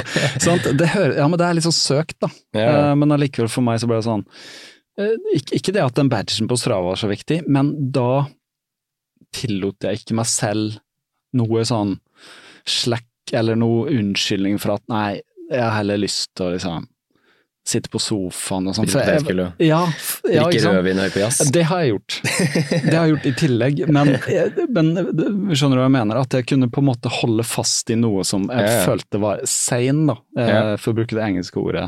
Hva heter det? Um, ikke insane, men sane. Altså, Den jobbsituasjonen var så crazy at jeg følte at det eneste normale jeg kunne drive med, var å løpe, liksom. Det, Mm. det var sånn Det var normalen. Og så var alt annet ganske sånn galskap. I tillegg til å være i korona og alt mulig. Jeg hadde så mye Zoom-møter, jeg, jeg hadde så mye oppgaver, jeg aner ikke, det var bare helt vilt. Ikke sant.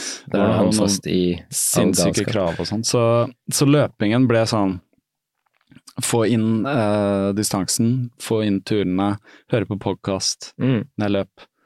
eh, være i et annet sted. Eh, ja.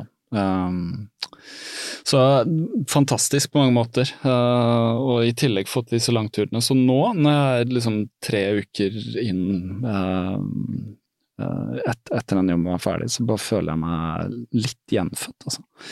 Høres litt sjukt ut, men i går så hadde jeg liksom en intervalløkt, og forrige uke hadde jeg på Bislett. Løp på Ekeberg på banen i går. 800 meter og isete bane og sånn, men kombinerte det med tur-retur hjemmefra. 18,8 km. Føler meg bra i dag, sover godt om nettene. Perfekt. Ja.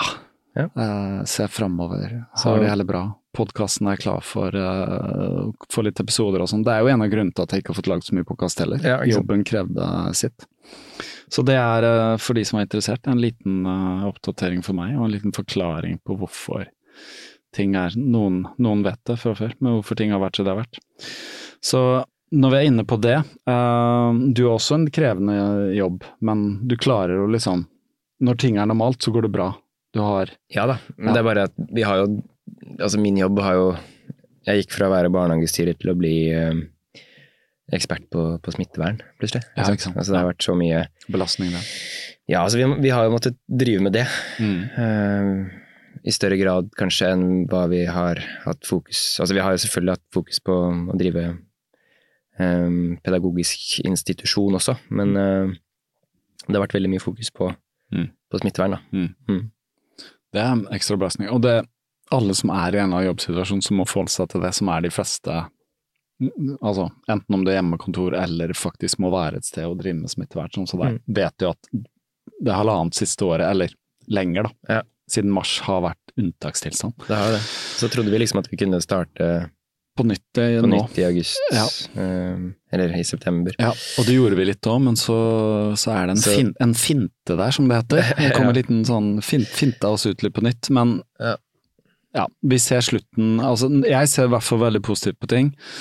Uh, og det har jo litt med sånn situasjonen generelt, men akkurat det med mm, omikron De sier jo det at kanskje ok, dette er liksom begynnelsen på slutten fordi at når den muterer sånn, og virker seg å ha blitt litt mindre farlig, men Mm. litt mer smittsom, da. Som ofte er en sånn strategi til et virus, Ja. merkelig nok. Uh, den vil ikke være for farlig, for da dreper den for mange, og Målet. Så. viruset er jo å overleve. Det er jo det. Så, så kanskje kan vi etter en vinter nå komme oss gjennom, og så Ja. vil det være over. Ja. Eh, håper vi.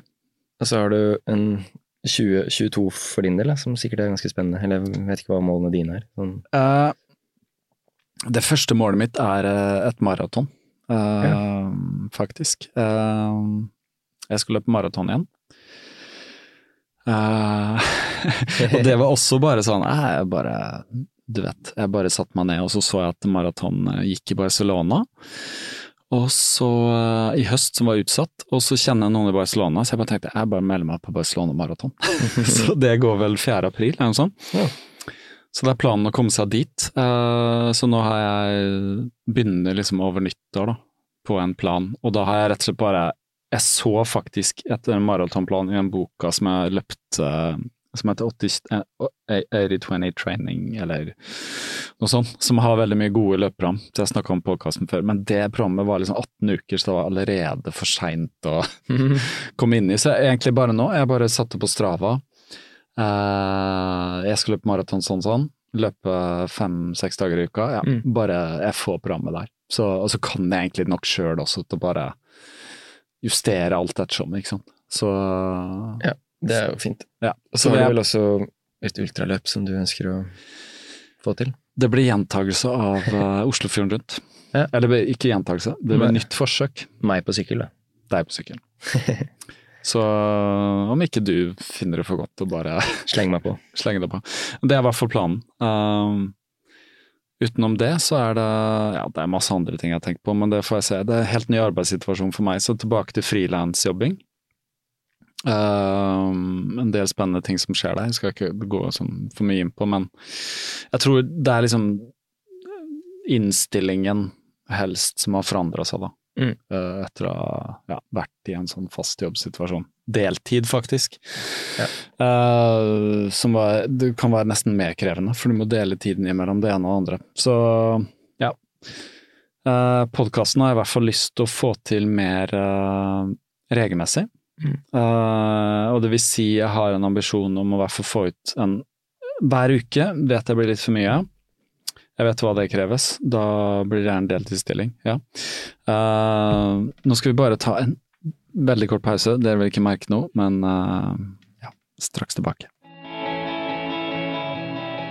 Ok, så innimellom så må man bare ha en liten uh, pause. Um, ja, så 2022 Det er et eller annet med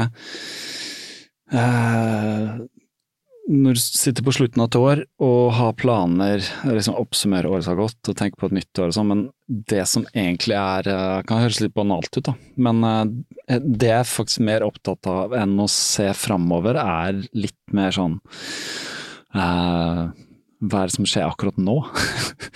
mm. uh, legge planer, absolutt, men jeg bare merker at en ting uh, som kan være utfordrende for oss generelt som mennesker, at vi legger ganske mye planer for hva skal skje framover, og liksom ønsker og tanker og sånn om fremtiden, uten å tenke for mye på hva vi gjør her og nå, da. Så for meg er det 2022, hvis jeg skal si noe om hva jeg har lyst til å gjøre da, så er det å være enda mer til stede i uh, her og nå. Uh, I det jeg gjør hele tiden. Uh, og bli bedre på å bare ja, både når det gjelder familie, øh, venner, øh, egne prosjekter. Øh, ha litt mer fokus på ting i øyeblikket. Mm.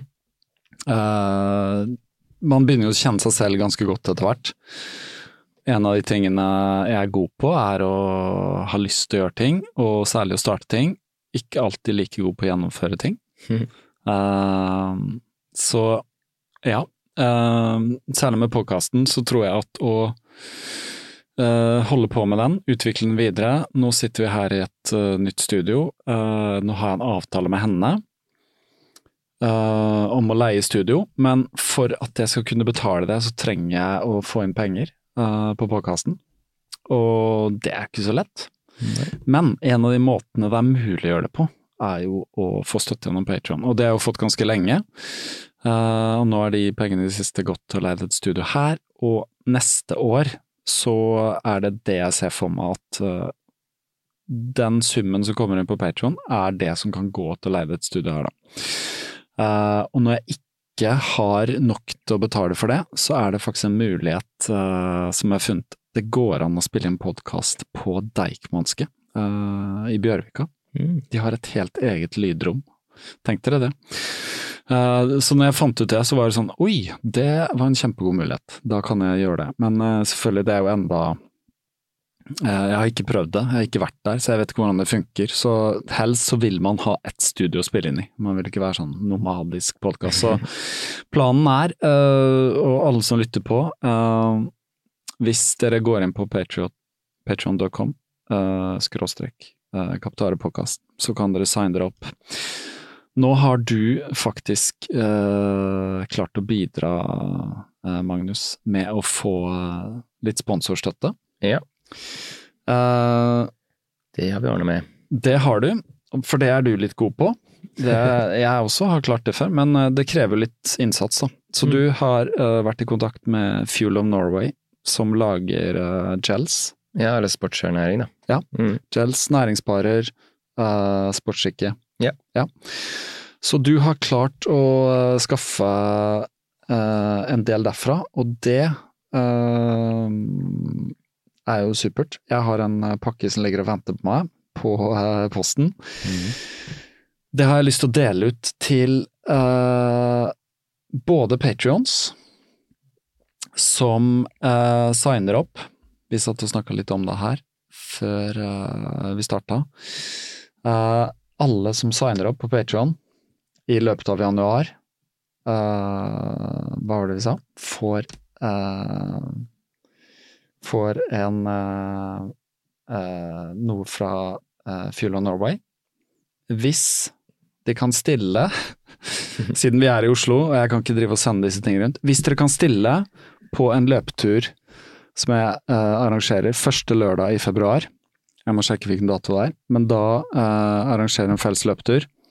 Alle som har Patrions, nye, og stiller der, eh, vil få eh, en gel, en næringspar eller en sportsskikk eller en flaske eller noe. Fra Fuel of Norway. Fra Fuel of Norway. Ja.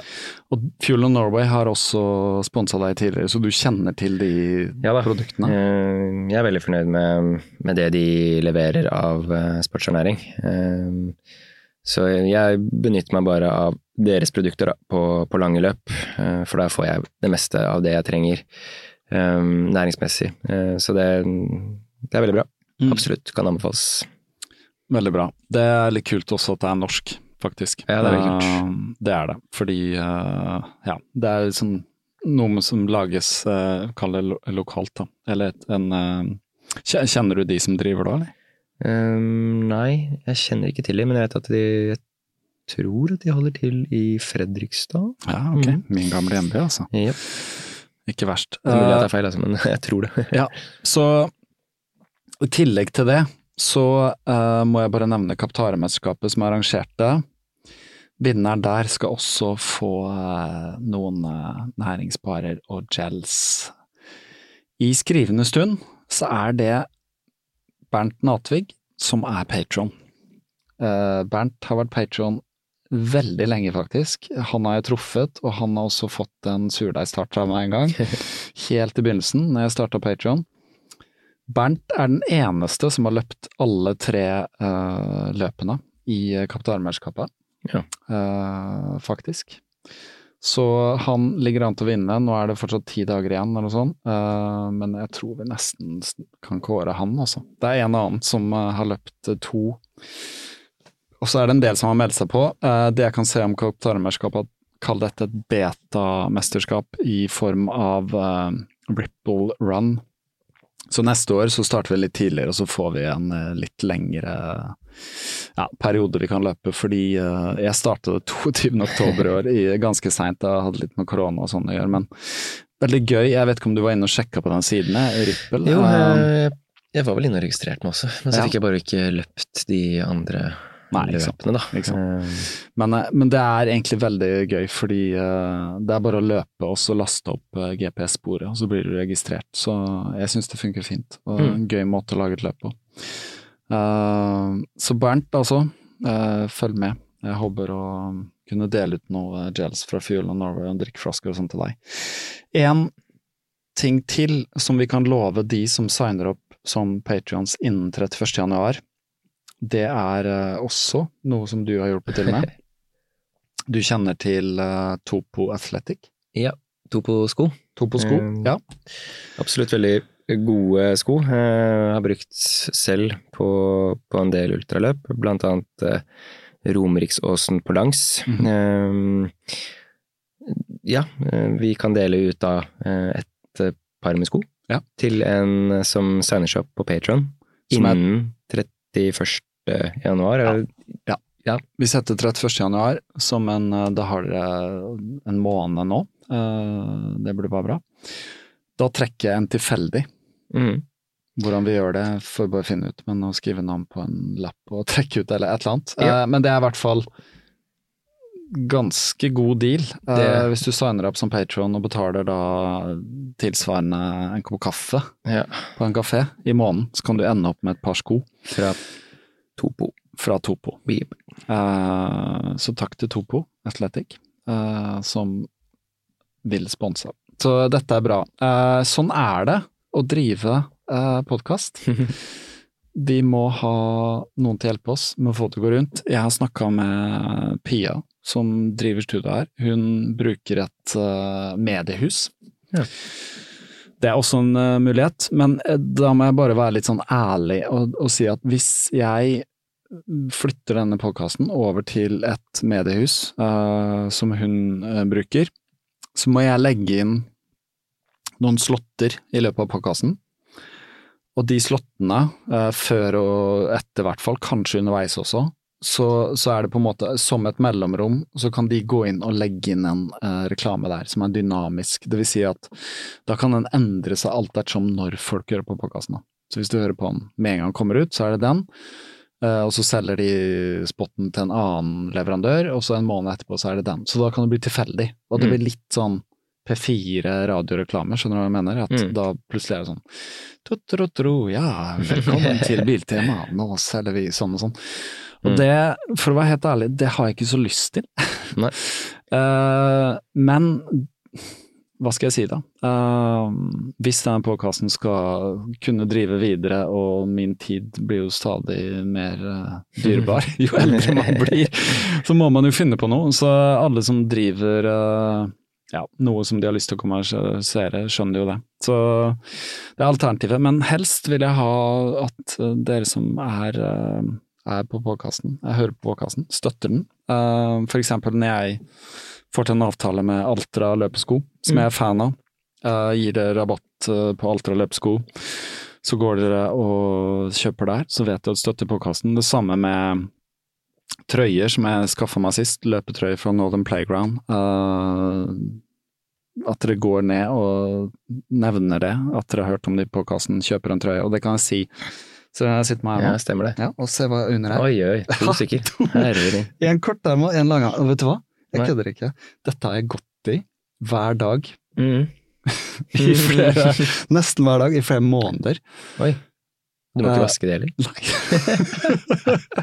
det er utrolig. Og en av de trøyene jeg fikk, løp jeg i, det er en sånn rød løpetrøye. Den løper jeg i, den blir svett, så henger jeg den uttørk, eller henger den inne. Mm. Kan ta på igjen etterpå. Den lukter aldri. Fantastisk. Så det er eh, ja, det er eh, ullsilke. Det er høyskvalitet, økologisk, fra sauer som ikke blir, eh, du vet, sånn tvangsklippet eh, på Så ja, det er rett og slett et veldig bra firma, Norn Playground. Så bra. Og de selger ting for å, at det skal vare, og ikke for at det skal handle så mye som mulig. Ok, så det er litt sånn midt i her, litt det praktiske rundt å drive en podkast, og hva podkasten skal være i 2022, og um, ja. Så nå vet dere hva dere kan gjøre. Gå til patreon.com slash kaptarepodkast. Okay. Yes. Videre til uh, 2021. Mm. Hvem uh, og hva har skjedd? Ja, er Eh, du, du har sett litt på årets løpeprestasjoner. Ja, det er mange, da. Det er det. Og jeg må bare si med en gang, uh, vi er jo ikke her for å liksom uh, vi- er ikke her for å um, kåre sånn sett, men vi er her for å nevne uh, fantastiske prestasjoner. Mm. Uh, og det har vært mange. Det vi nevner her er jo selvfølgelig de som syns godt i media og som gjør det topp og sånn, men det, det på en måte diskvalifiserer ikke noe annet som vi ikke nevner, da, bare for å si det sånn. Så ingen må liksom bli lei seg hvis ikke de blir nevnt eh, Og så har vi kanskje også nå. fokusert eh, Litt. primært på langløp. Ja, um, vi har det. Ja. Vi har det. Uh, For det, og- hvis ikke så hadde vi sittet her til, uh, ja, ja, til til nyttårsaften, faktisk. Vi hadde det. Så, eh, så det har vært, det har vært eh, Du som har fulgt med noen år, eh, du har nok litt bedre oversikt enn meg. Sånn i forhold til ultra, er det Ser du noe utvikling? Forandring? Er det Ja, jeg, jeg ser jo det at det kommer flere og flere løpere til som er på et uh, mer profesjonelt nivå da, Ja. enn det var for noen år tilbake. Ja. Uh, så det er mange gode løpere, og du ser også at folk tar sjansen på ultra, kanskje i større grad. Altså uh, løpere som har drevet med andre ting før, Ja. prøver seg på, på ultraløp. Da. Mm. Et eksempel der er jo Allan Hovda. Ja. Han, eh, Han er et eksempel på det. ja, Og de fleste har nesten hørt om han nå, vil jeg tro. Det vil jeg tro. Vi Ja, nevnte han- eh, jeg og Stig også, på forrige påkast. Ja, ikke sant. Så han har jo drevet med, med triatlon eh, en del år. Mhm. eh, har vel også vunnet Norseman eh, et par ganger. Ja, tre ganger, tror jeg. Tre ganger, ja. Men han satt jo da på første forsøk ny norsk rekord da, på 24 timers løp. 264,887 km. Han løp eh, helt rått, egentlig. Det helt rått. Eh, Hele døgnet. Ja. Han løp seg regelmessig rett ned i kjelleren. Mm. Eh, endte opp med Rabdo på sykehus. Mm. Ble liggende der tre dager. Mm. Men fikk iallfall med seg en eh, norgesrekord. Han var jo ikke påmeldt NM, så det ble ikke noe NM-gull. Dessverre, for hans del. Det hadde han i og for seg fortjent. Men Mm. gullet gikk jo da til Jo Inge Norum, Mm. som også har hatt en veldig bra sesong, eh, i og for seg. Han løp jo også et veldig godt eh, eh, sekstimersløp i år, hvor han tror jeg var 200-300 meter bak eh, norgesrekorden til eh, Didrik Hermansen. Mm. Eh, og Sa han, du distansen der?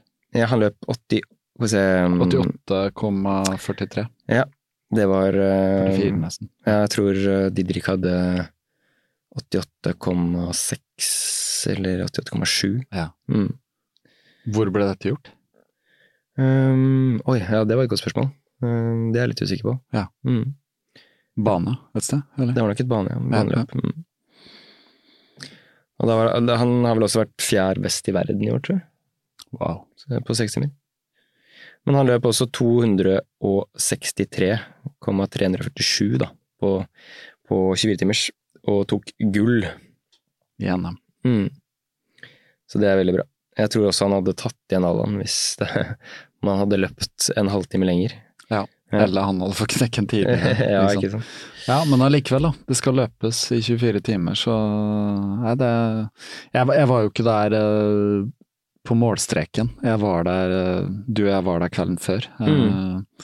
jeg så jo han Allan. Jeg har en del bilder av han løpende. Eh, han hadde jo kanskje kjæresten, eller kona, som Ja. langa han. Det var veldig proft. Det var liksom Hver eneste gang han passerte, så var det en beskjed, og det var veldig sånn Jeg så at han hadde ja, han kom for å uh, gjøre nettopp det, og, og teste sine grenser. Uh, ja, Jeg tror han også selv sa at han løp i et tempo som var uh, litt for høyt. Ja. Men han ville bare se om han tålte det. Ja.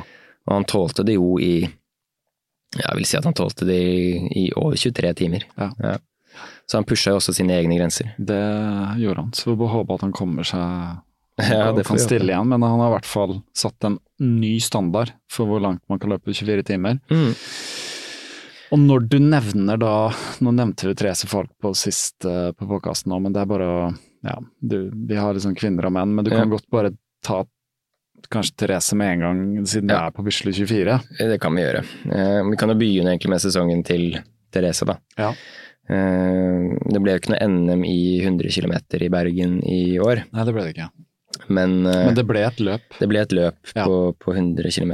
Mm. Det var vel helt ja, i begynnelsen av juni. Mm. Eh, og der løp hun eh, satt ny personlig beste, og løp på syv timer og 55 minutter. Mm. Det er vel ikke norsk rekord på 100 km, men det er ikke langt unna.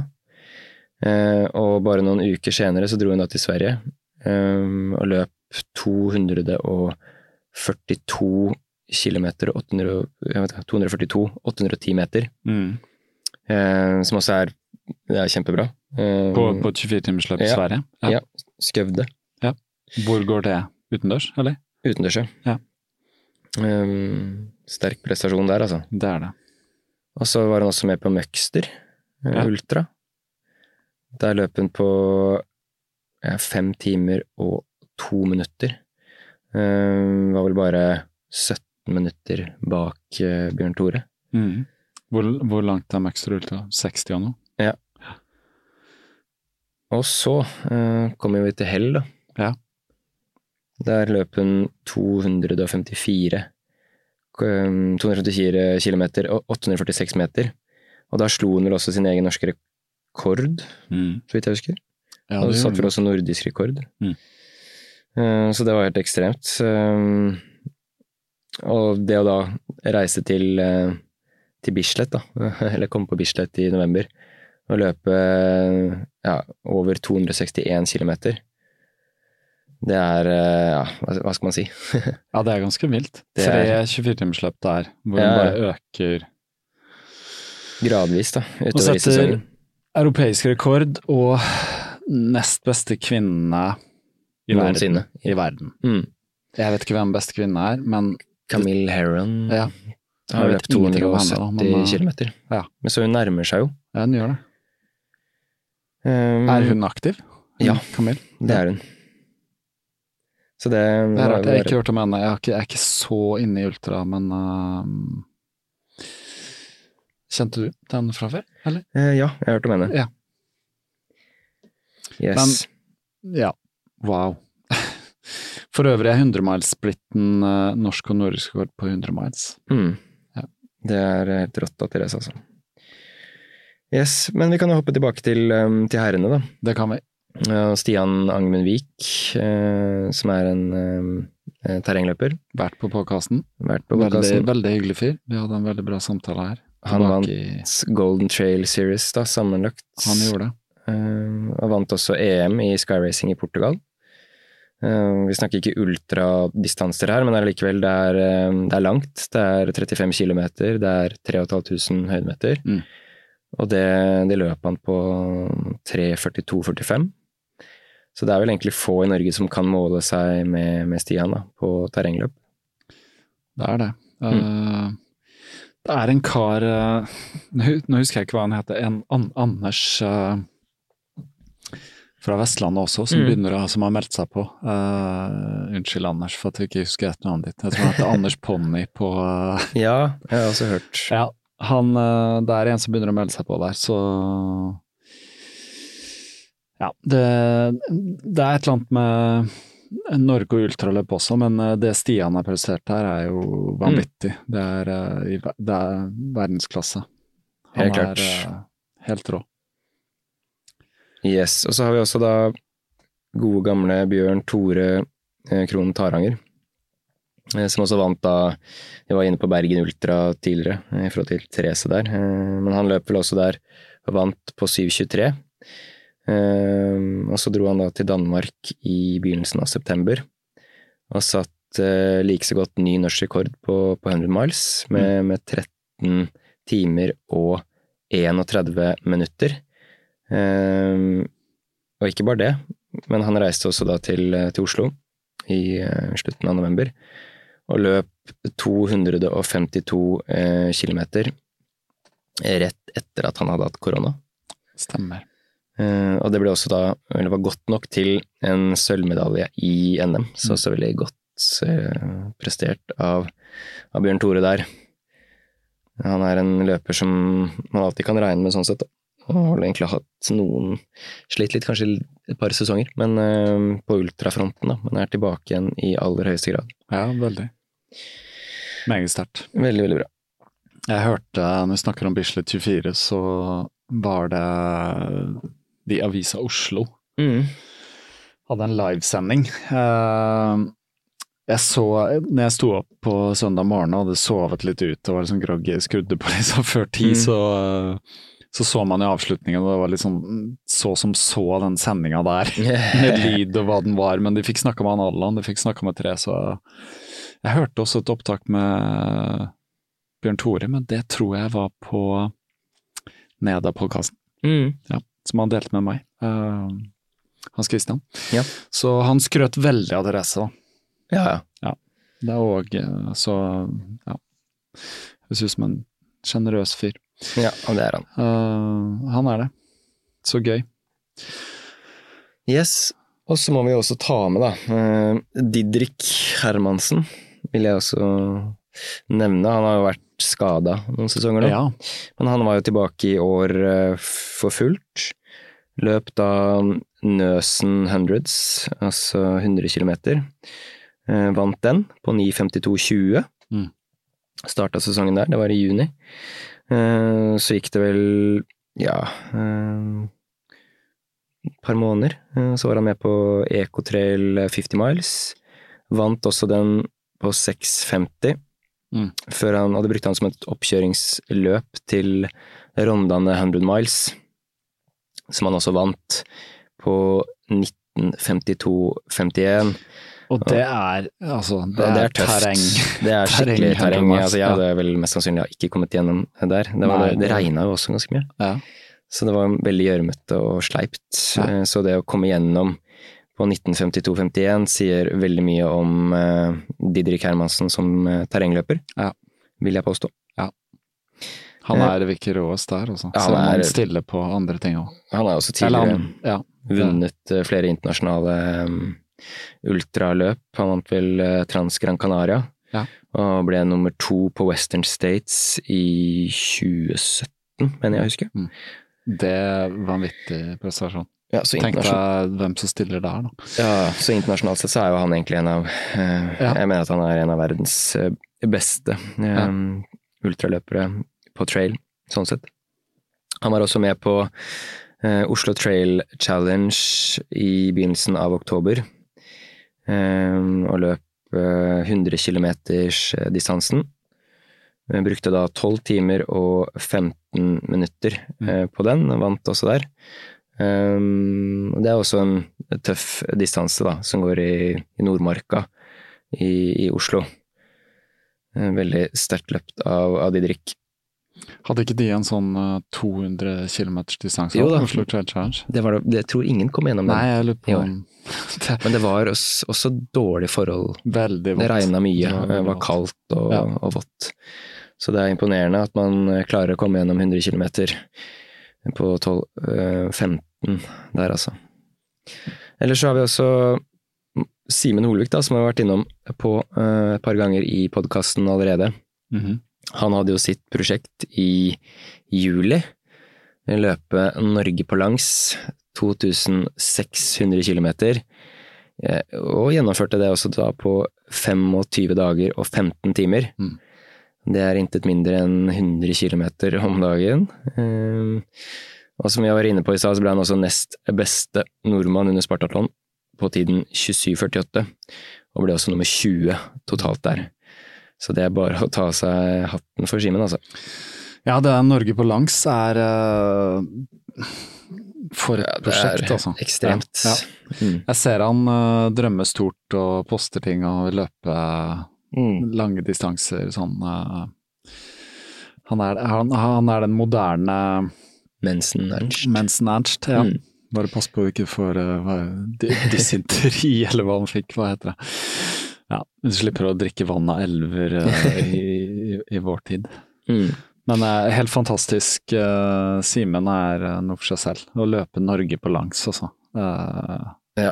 jeg ser er det er noen andre som har snakka om at de skal gjøre det også, men eh, det gjenstår å se. Jeg vet ikke om det er mulig å Ja, det er sikkert mulig å slå det, altså, men det er litt logistikk. Det virker som han er veldig god på det òg. Han er veldig, Veldig god. systematisk der, altså. Veldig systematisk der. Dyktig. Og så har vi også, selvfølgelig da, vi må ta med han eh, Christian Blumenfeldt. Ja. Altså, han vant olympisk gull da, på, på triatlon eh, i Tokyo-OL. Mm. Det er helt enormt. Og ikke bare det, han eh, Fire uker etterpå så tar han da eh, VM-gull. Eh, og blir vel egentlig den første i verden til faktisk å klare et OL-gull og, og VM i, på Sa, triatlon. samme distanse, ikke sant? Nei, ja, jeg, eh, vanlig eh, triatlondistanse. VM var vel Ironman. Det var det, ikke sant? Ja. det var det. For at det, det sier jo litt. Eh, vanlig triatlon Nå husker jeg jo ikke distansene, men det er jo relativt Altså relativt kort. Mm. Eh, du, du løper i hvert fall ti kilometer på slutten. Jeg vet ikke hvor lang uh, sykleturen er, men 40 og noe, eller noe sånt. Ja. Eh, og så svømmer du, jeg vet ikke, eh, knapt en kilometer eller under. Altså ikke det at det er kort, men Ironman er noe helt annet, for det er vel 2,4 kilometer svømming, 170-80 sykling, og så en, en uh, hel maraton etterpå. Ja, ikke sant. Og det er det som er uh, imponerende, da. Han, Ja, det er eh, ekstremt imponerende. han brukte vel, skal vi se, jeg tror det var to timer og 35 minutter på, på den eh, på maraton, da. Ja. Mm. Var det den siste Ja, jeg tenker også vi må ta med, må ta med Frank Løke. Ja, nei, jeg bare Eh. tenker, bare før vi slipper han Christian, for at han hadde en øh, VM tidlig verdensrekorden på distanse med 7 timer 27 minutter. Ja, Eh, ja, og så skriver du Christian fullførte Ironman-konkurransen i Cozumel i Mexico på 7 timer 21 minutter og 12 sekunder. men det ble verdensrekord også. Ja, og det ble verdensrekord. Mm. Uh, dette var litt morsomt, for at jeg hører jo på Ritual-podkasten. Ja. Og jeg måtte faktisk, jeg satt og klarte å ta videomateriale fra det og poste på, på Instagram-kontoen min, for jeg syns det var så morsomt, for de satt uh, Ritual har en sånn fast uh, månedlig greie hvor han sitter med en sånn New York Times-journalist, og så har de sånn oppsummering på ja, både sportsprestasjoner og litt sånn uh, nyhetsting og litt sånn forskjellig. Mm. Og da var de sånn derre at the Norwegians has arrived og greier, de bare nevnte Christian Blumenfeldt og han andre som heter står det stille for meg, beklager det. Men uh, i hvert fall, de var sånn De var ekstremt imponerte, da, for de er opptatt av løping, og særlig Ritual, som også har løpt uh, liksom, Det han gjorde når han var aktiv, var liksom Ironmans og sånn, da. Så han er veldig opptatt av svømmingen og, og løpingen, i hvert fall. Mm. Eh, de var ekstremt imponerte, så dette er jo noe som blir lagt merke til. Uh, at liksom, no, Ironman er blitt stort. Det er veldig Eh, stort, blitt altså. veldig stort. Og så vidt jeg skjønner også når jeg har hørt på den podkasten, at Ironman er et sånn varemerkenavn. Da. Mm. Så det er litt sånn uh, Ironman er faktisk, så vidt jeg, meg bekjent, uh, kjøpt opp uh, mm. UTMB. Uh, Ja. ja. Eller de som driver Ironman, har kjøpt UTMB. Mm. Liksom. Sånn var det. Ja, sånn Mm. var det. Eh, det er blitt eh, ja, det er litt sånn disse store tingene, ikke sant, som det er mye kommersielle verdier i. Men ja, du var på verdt å nevne. Uh, mange, Ja. selvfølgelig. Det er mange. Det er mange. Veldig mange. Ja. Men vi må, jeg syns vi må ta med, med Frank Løke, da. Mm. Verdens mest berømte norske håndballspiller som nå er ultraløper. Ja. og gjorde i og for seg også et veldig bra uh, norgesmesterskap. Ble vel nummer fem. Ja. Løp 213,5 km. Mhm. Um, sterkt. Men Nei, det som imponerer, er jo at han klarte å nå toppen på Mount Everest Han i mai. Wow. Og det er, det er sykt. Ja, det er ganske sykt. krever også mye logistikk, enormt Ja. med trening og ja. Ja. Det er mange timer da du legger i et sånt prosjekt. Veldig mange. Jeg hørte når du snakker om Mount Everest sånn, jeg hørte en podkast, også Ritual-podkasten, med en kar som eh, egentlig en musiker. Mm. studiomusiker, men som hadde gått Han har hatt noe sånt prosjekt, han hadde gått over USA, til fots. Mm. Og så hadde han også bestemt seg for å bestige Mount Everest, men øh, jeg vet ikke, jeg lurer på om dette skjedde enten i år, ja antagelig. Men han sa at det meste av liksom bestige Mount Everest er å være i disse basecampsene og så vente på muligheten for å bare gå opp. For det er, så vidt jeg skjønner da, på Mount Everest er det noen sånne jetvinder Mm. for det er så høyt, ikke sant, så det går noen sånne voldsomme vinder over der. Og de er liksom aktiv 50 uker i året, da. Oi. Og så er det to uker hvor de liksom Stiller. Ja, på Mm. sommeren hvor liksom er sånn monsunen er på vei eller et eller annet sånt. Ja. Da må du bestige. Og da er det logistikk, for da er det sånn nå må det skje. må treffe, liksom. Ja, Mm. og da er det visstnok også Det er litt sånn kø, altså. Det er, Ja, alle det er skal få Mount Everest. De. Så det er verdens høyeste fjell, Uh, men det er mulig å bestige. Men så visstnok uh, K2 og sånn er farligere og Ja, tøffere. det tror jeg sånn. faktisk er Så- neste prosjekt også for, eh, for Frank. Ja. Så det blir spennende å følge det. Altså. Han, er- han virker som en fyr som er sånn Ja, han Ja, virker som en er- tøffing. Han er tøffing. han virker som en tøffing. Og så må vi også ta med Team Rett Vest Endurance, da, som under Oslo Bergen Trail eh, Altså et løp på 515 km. Ja. 18 000 høydemeter. Det er eh, en del å klatre. Ikke noe for meg. Eh, altså, de vant den, da. Eh, Første utgaven av, det, av eh, OBT. Ja. Brukte da 157 timer, 47 minutter og 23 sekunder. Fred Andersen, Fredrik Berentsen og Eivind Husøy. Eh, Helt rå prestasjon der. De var vel også ganske mange timer foran nummer to i mål. Den eh, Ja, jeg fikk med meg at den gikk. Det virker veldig gøy. Jeg har eh, en fantasi i mitt hode at jeg også skal enten gå eller løpe til Bergen. Mm. Bare meld seg på OBT, da. Ja, jeg, jeg, jeg, vet ikke om jeg vil gjøre det på den måten. Vi kan lage lag, tror jeg. Ja, kanskje, Team men det er sånn Ja, ikke sant, men noen ganger så er det sånn eh, Du snakker om fikse ideer og ting du har lyst til å gjøre og sånt, så av en eller annen grunn så liksom Oslo-Bergen, men det er kanskje fordi at jeg har et forhold til Bergen og har bodd der i mange år og sånn, men jeg, jeg, jeg, jeg har lyst til å løpe eller gå til Bergen. Mm. Løpe gå, går det an å si det? Løpe og gå. Jeg tror det er det også de Jeg tror ikke de løper. Eh, Det som er morsomt med den gjengen der, er jo at Fred Andersen er også patron. Ja, stemmer det. Yes. Også en veldig habil 24-timersløper. Ja da, så vi har en del eh, Han traff jeg også på Bømlo Ja, i fjor. ja han er eh, vestlending, han. Veldig bra fyr, altså. Og det er også Fred, Fredrik og han jeg møtt, da. Eier Ja. har jeg ikke truffet noen gang, men De, de kjenner jeg ikke, men uh, sinnssyk prestasjon. helt klart. Så har vi vært innom Therese Falk allerede. På kvinner, Eh, ja. ja. Hun eh, Hun Hadde en er, kjempesesong, bare, altså. bare før vi liksom slipper henne, hva er, hva er det, du som kjenner henne litt, eh, hun har vært på podkasten også, men du kjenner henne jo litt. Hva, hva, er det, hva er det som gjør at hun uh...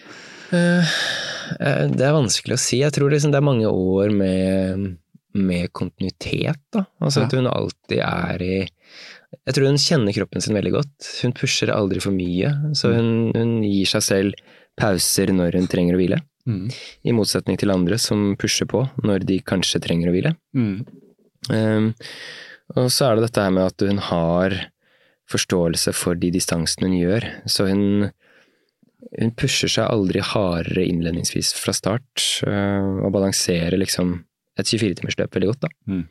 Men så har hun bare blitt bedre med årene, og nå er hun jo så god at hun Ja, hun, hun er blant de beste i Norge. Mm. Så det er vel I verden. I verden. Mm. Uh, Ja, hun mestrer det. Uh, uten tvil. Jeg tror hun har hun, det, er, det er noe altså Selvfølgelig, hun er god på å porsjonere ut og alt det der, men det er et eller annet med Det, det sitter jo i hodet. ja, ja, ja. Er det gøy. Så hun har noe der. Vi får få henne tilbake eh, og, og ta en prat. Mm. Så må vi også nevne, da, eh, vi var inne på Oslo-Bergen Trail, eh, men Liss Johansen Vallestrand, Mhm. hun var med på et av eh, hun var på det damelaget som vant OBT, da, på 196 timer og 49 minutter. Det er så mange timer. Det er veldig mange timer. Eh, er også en veldig god terrengløper. Har vært med på terrengløp før, blitt nummer tre på Ecotrail blant annet. Også gjort det veldig bra på Bislett 24, så hun er en sånn allrounder. Eh, men hun vant faktisk også et internasjonalt løp. Ray Desert Race, 250 km. Det er vel en sånn eh, fem etappersløp, Ja. så vidt jeg vet. Som hun har eh, vært med på i år. Jeg har vært med på i år, og Ja. vant, da. Ja. Overlegent. Ja. Wow. Så veldig bra. Ok, vi får si Liss uh, må komme på påkassen. Ja, det må. Vi må det. Og så har vi også Ingrid Lie, da, som alltid er med uh, og gjør seg bemerket i, i Ultra-Norge. Ja, hun har jeg Eh, fulgt litt med, og jeg så henne for første gang. Jeg har invitert henne på påkassen for lenge siden. Ja. Eh, Stående invitasjon der. Uh, Så hun har sagt ja, når jeg er i Oslo skal jeg komme innom. så ja, hvis du hører på Ingrid, du fortsatt bare ta kontakt. Uh, ja, hun så jeg da i levende livet første gang på Bislett 24. Alltid gøy med folk du har liksom fulgt, uh, Ja, ja. og så plutselig der løper hun, ja. Det som er kult med henne, er at hun, hun smiler jo når hun løper. Ja, hun gjør det. og så så hun veldig, hun så veldig fokusert ut, faktisk. hun gjorde. Hun så veldig fokusert ut. Hun er en veldig dyktig ultraløper, også veldig ung, da. Um, Hun starta sesongen sin med å vinne Skogvokteren Ultra i uh, Jeg går vel i Grenlandsdistriktet. Ja. 80 km. Jeg tror hun bor der nede i Telemark. Ja, stemmer det. 80 km terreng. Ja. Vant på tiden 13.07,55. Fulgte opp med å vinne Hardangerjøkulen Ultra. Det er også 95 km terreng. Ble vel nummer ti totalt der. Eh, Løp på tiden 13.54,06. Mhm. Så er hun også nest best eh, på 100 miles da, i år, gjennom tidene. Det er vel bare Therese Falk som har de tre beste tidene på 100 miles i Norge, før henne. Hun eh, kom igjennom på Bislett 24 i år på 15.10,46, Mm. som er veldig sterk tid. Det er veldig Hun måtte jo dessverre bryte. Hun lå jo godt an veldig lenge, Mm. Men løp seg rett og slett rett ned i, i kjelleren. Mm. Så imponerende av Ingrid Lid, altså. Hun er en eh, Med tanke på at hun også er såpass ung, Mm. så tenker jeg at hun er en løper for fremtiden. Det er hun nok. Begynner å få litt uh, erfaring der, altså. Ja, ja. Ellers så må vi også nevne Ranveig Hansen. En ganske ny løper, i og for seg. Eh, Kom vel inn i Ultra Norge eh, 2020, eh, men har eh, markert seg da i år. Ble nummer to på Ecotrail 50 miles med tiden 8.23,30. Og vant også da Oslo Trail Challenge, 100 km. Eh, samme som Didrik Hermansen var med på. Mm. tøffe forhold. Eh, det som imponerer kanskje aller mest i, med, med Ranveig i år, er at hun da debuterte på baneløp for første gang. Hun har jo løpt flere langløp og ultra før og gjort det bra der, mm. men um, stilte til start på Bislett 24, og debuterte altså med 219,5 km. Og det er vel kun to norske damer som noen gang har løpt lenger enn henne på, altså, på debuten. På Eh, Druid, ja. Men altså da kun tre norske som har løpt lenger enn noensinne i Norge. Det kvinner. Ja. Ja, det er vel eh, Therese Falk, Mari Mauland, og så er det en jeg ikke husker helt navnet på akkurat nå. Så det er enormt, eh, og tok også da sølv. Sølvmedalje i NM Mm. på sitt første 24-timersløp. Eh, jeg tar av meg hatten ja, for Ranveig der, altså. Det er Ja. helt enormt. Wow.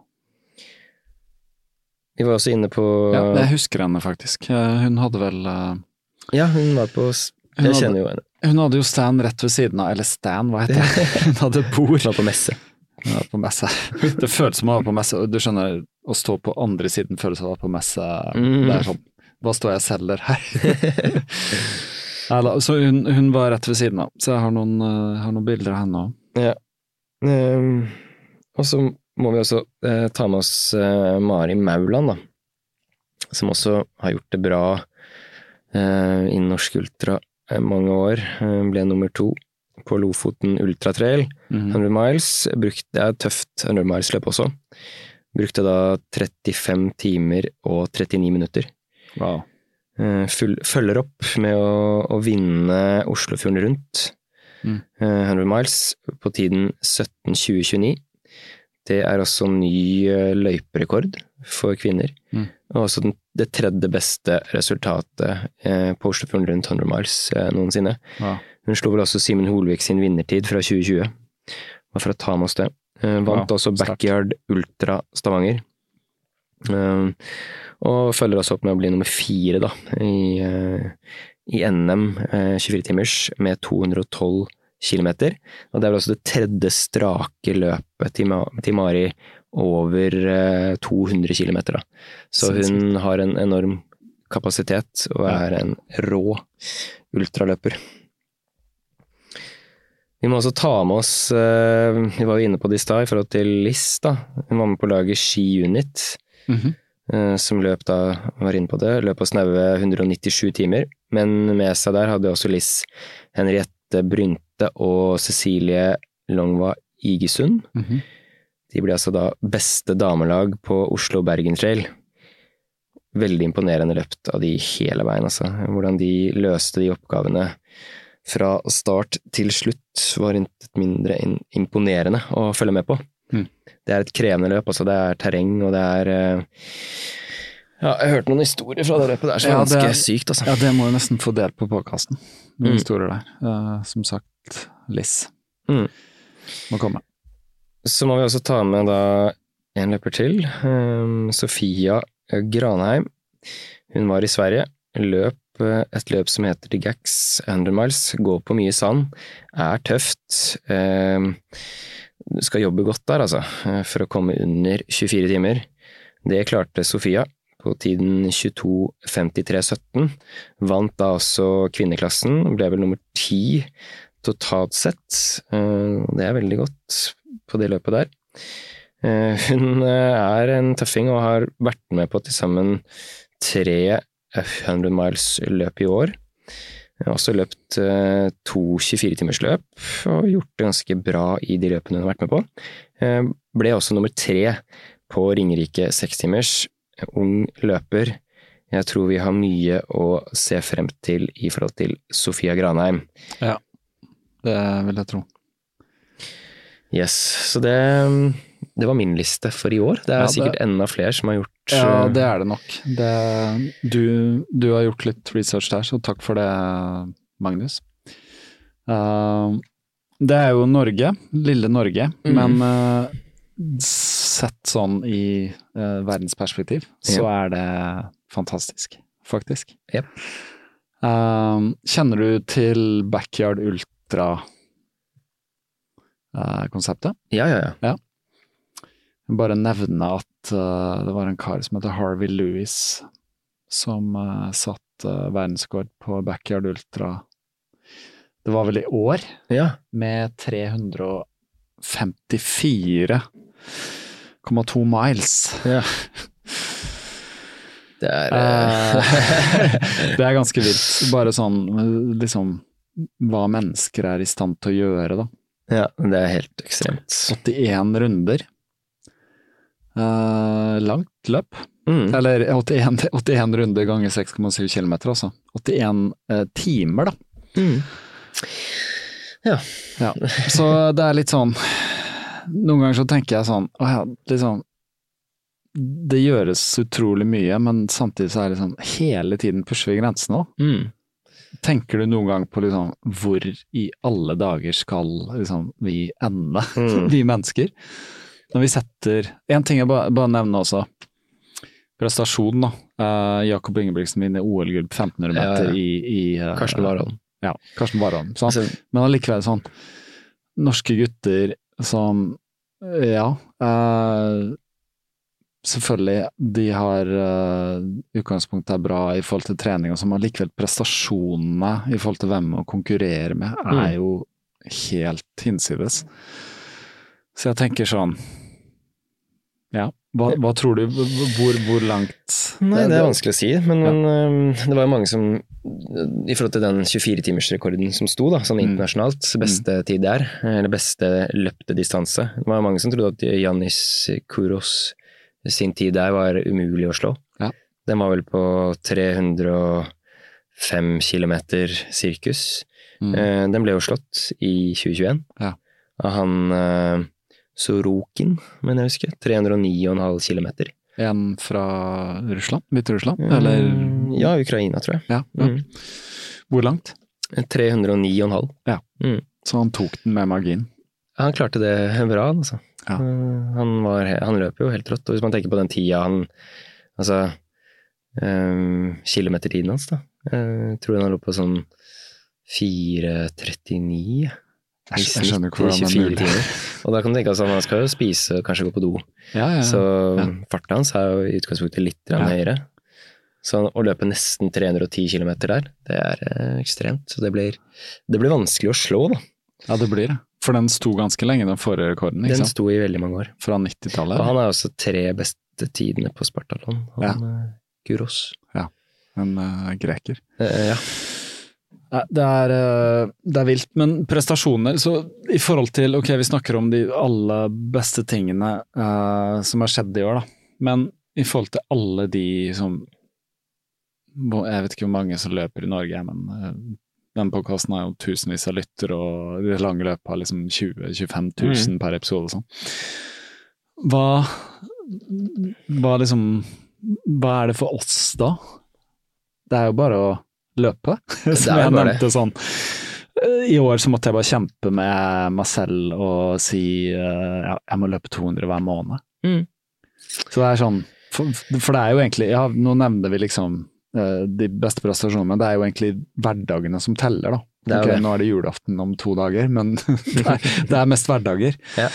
Uh, så vi skal liksom ikke jeg, jeg hadde annet en episode her hvor noen eh, hadde hørt på en podkast jeg hadde med Tim Bennett, at vi hadde sagt at det var ikke å løpe hvis du, hvis du løp eh, maraton over fire timer. Og jeg, vet du, jeg kan Jeg har ikke hørt tilbake på episoden, jeg vet ikke hva som ble sagt, men bare sånn Bare si her og nå da, at uh, vil jo aldri liksom eh, si til noen at det er ikke bra nok å ikke løpe eh, en, en maraton på eh, under fire timer. Det er jo ikke det det handler om. Det er sånn, noe som blir sagt i en sånn setning som det er jo egentlig bare fåfengt, da. Eh, Om du går ut og løper annenhver dag eller hver dag, eller setter deg et mål å løpe en ti kilometer, eller setter deg et mål å løpe maraton på sub tre timer, så er liksom å gjøre det er jo bedre enn å ikke gjøre det. Helt klart. En av grunnene til at vi løper er liksom Ja, det er det psykiske, men bare det å kunne løpe hver dag er jo på en måte en feiring av uh, muligheter, da, og hva vi kan. Og hva vi er i stand til å gjøre. Uh, om det er liksom en intervalløkt uh, for å bli bedre, eller bare løpe en tur på seks kilometer for å få klargjort hodet etter at Mm. du har kanskje vært hjemme med barna en hel dag, og de har vært syke, og du har stått på pinne, eh, og du har jobb i tillegg. Altså, det er sånn Ja. Prestasjoner er prestasjoner, men det viktigste er eh, å bare vite med seg selv at det jeg gjør, er eh, det beste jeg kan gjøre, da. Ja. Eh, hele tiden. Det er mange hverdagshelter der ute, sånn sett, Ja, det er- som, som står opp og, og trener og løper maraton på, på under tre timer og 30 minutter. Altså det, er, det, er, det viktigste er å komme seg ut, Ja. bruke kroppen og Det er det. Og jeg bare tenker på hva vi liksom snakker om sånn i store perspektiv med helse og samfunn og sånn. at det, så alt tyder på da, at uh, stillesitting er uh, liksom helsefiende nummer én. Da. mm, Eh, så å bare komme seg ut og løpe, og for de som ikke kan løpe, bare komme seg ut og gå. Bare bevege seg. Bare få fart på kroppen. Mhm. liksom Der hvor grensa di går, da. Det er, liksom, det er utrolig viktig. Så selv om denne podkasten noen ganger er sånn ok, de vanvittige lange ultraløpene og sånn, så er det sånn alle som hører på, som uh, hvor enn dere er, liksom, så er det absolutt viktigste er å bare bruke kroppen din. Bruk kroppen. ja. Det får være mantra for Ja, det får være eh, mantra, altså. 2022. Det får være mantra. Eh, og særlig sånn nå også, hvor vi er sånn Vi blir på, måte, på mange måter tvunget til å sitte mye mer stille, da. Ja. I forhold til at vi gjør veldig mye mer på data, og i tillegg så er liksom Vi Hjemmekontor. trenger ikke gjøre Ja, hjemmekontor. Vi trenger ikke å forflytte oss like mye før. Vi trenger jo ikke gå på butikken. Vi kan få Oda til å sende hjem. Mm. Kan bestille ting på internett for å sende hjem. Vi har liksom Ja, vi kan se på hvilken serie vi vil når som helst. Vi har Instagram, vi kan sitte og scrolle. Det er liksom Det er så mye som bare kan bare overta oss fullstendig. Eh, og vi kan sitte stille og få hele verden inn. Mm. Så ja, jeg tror det er viktigere enn noensinne å bare tenke at uh, ja, bevege seg også. Løpe. Det er viktig. Og så er det utrolig bra for psyken. Det har jeg fått kjenne på i år, hvor jeg har hatt det rimelig tøft. Men uh, bare den derre Det er sånn å løpe over Ekeberg. Jeg løper den veldig ofte, for det er sånn liten sånn skogparti der. Ja. Akkurat den der lille der gjennom skogen. Altså jeg kan godt løpe opp i Lillemarka òg, men det krever litt annen logistikk og sånn. Blir ofte litt lengre og ja, stitur og sånn, men bare, bare, å være liksom litt borte fra mm. By, gate videre. Ja, du liker det, mens jeg løper, jeg, jeg løper langs Passveien. du løper langs Passveien. For meg blir det Ja, jeg kan gjøre det, men det blir sånn. Men det, det sier noe om din syke, da. Du er i stand til å Men jeg måtte gjøre det. Sånn ja, du måtte det. gjøre det, ikke sant. Jeg skulle trene. Ja. Du løper til jobb. Ja, ikke sant. Jeg har ikke noe valg. så ja, wow. Jeg tror vi har vært gjennom uh, det meste her, uh, Magnus. Ja, det tror jeg òg. Uh, så håper jeg denne episoden, hvor vi har faktisk delt en flaske museene, ikke har blitt for rotete. Nei, jeg på det. jeg tror ikke den har blitt det. Jeg tror det har vært greit. de som hører på nå, og det er lille nyttårsaften, får ha godt nytt år. Det får dere ha. Ja, alle sammen. Så er vi tilbake i 2022, yes. som jeg syns er uh, et fint tall. To pluss to pluss to. Vi skåler herfra, vi. Vi skåler herfra. Så tusen takk til alle lyttere, og jeg bare nevner igjen Patrions. Patrons. Vi trenger dere. Magnus, du er også patron. Yep. Yep. Godt nytt. Godt nytt.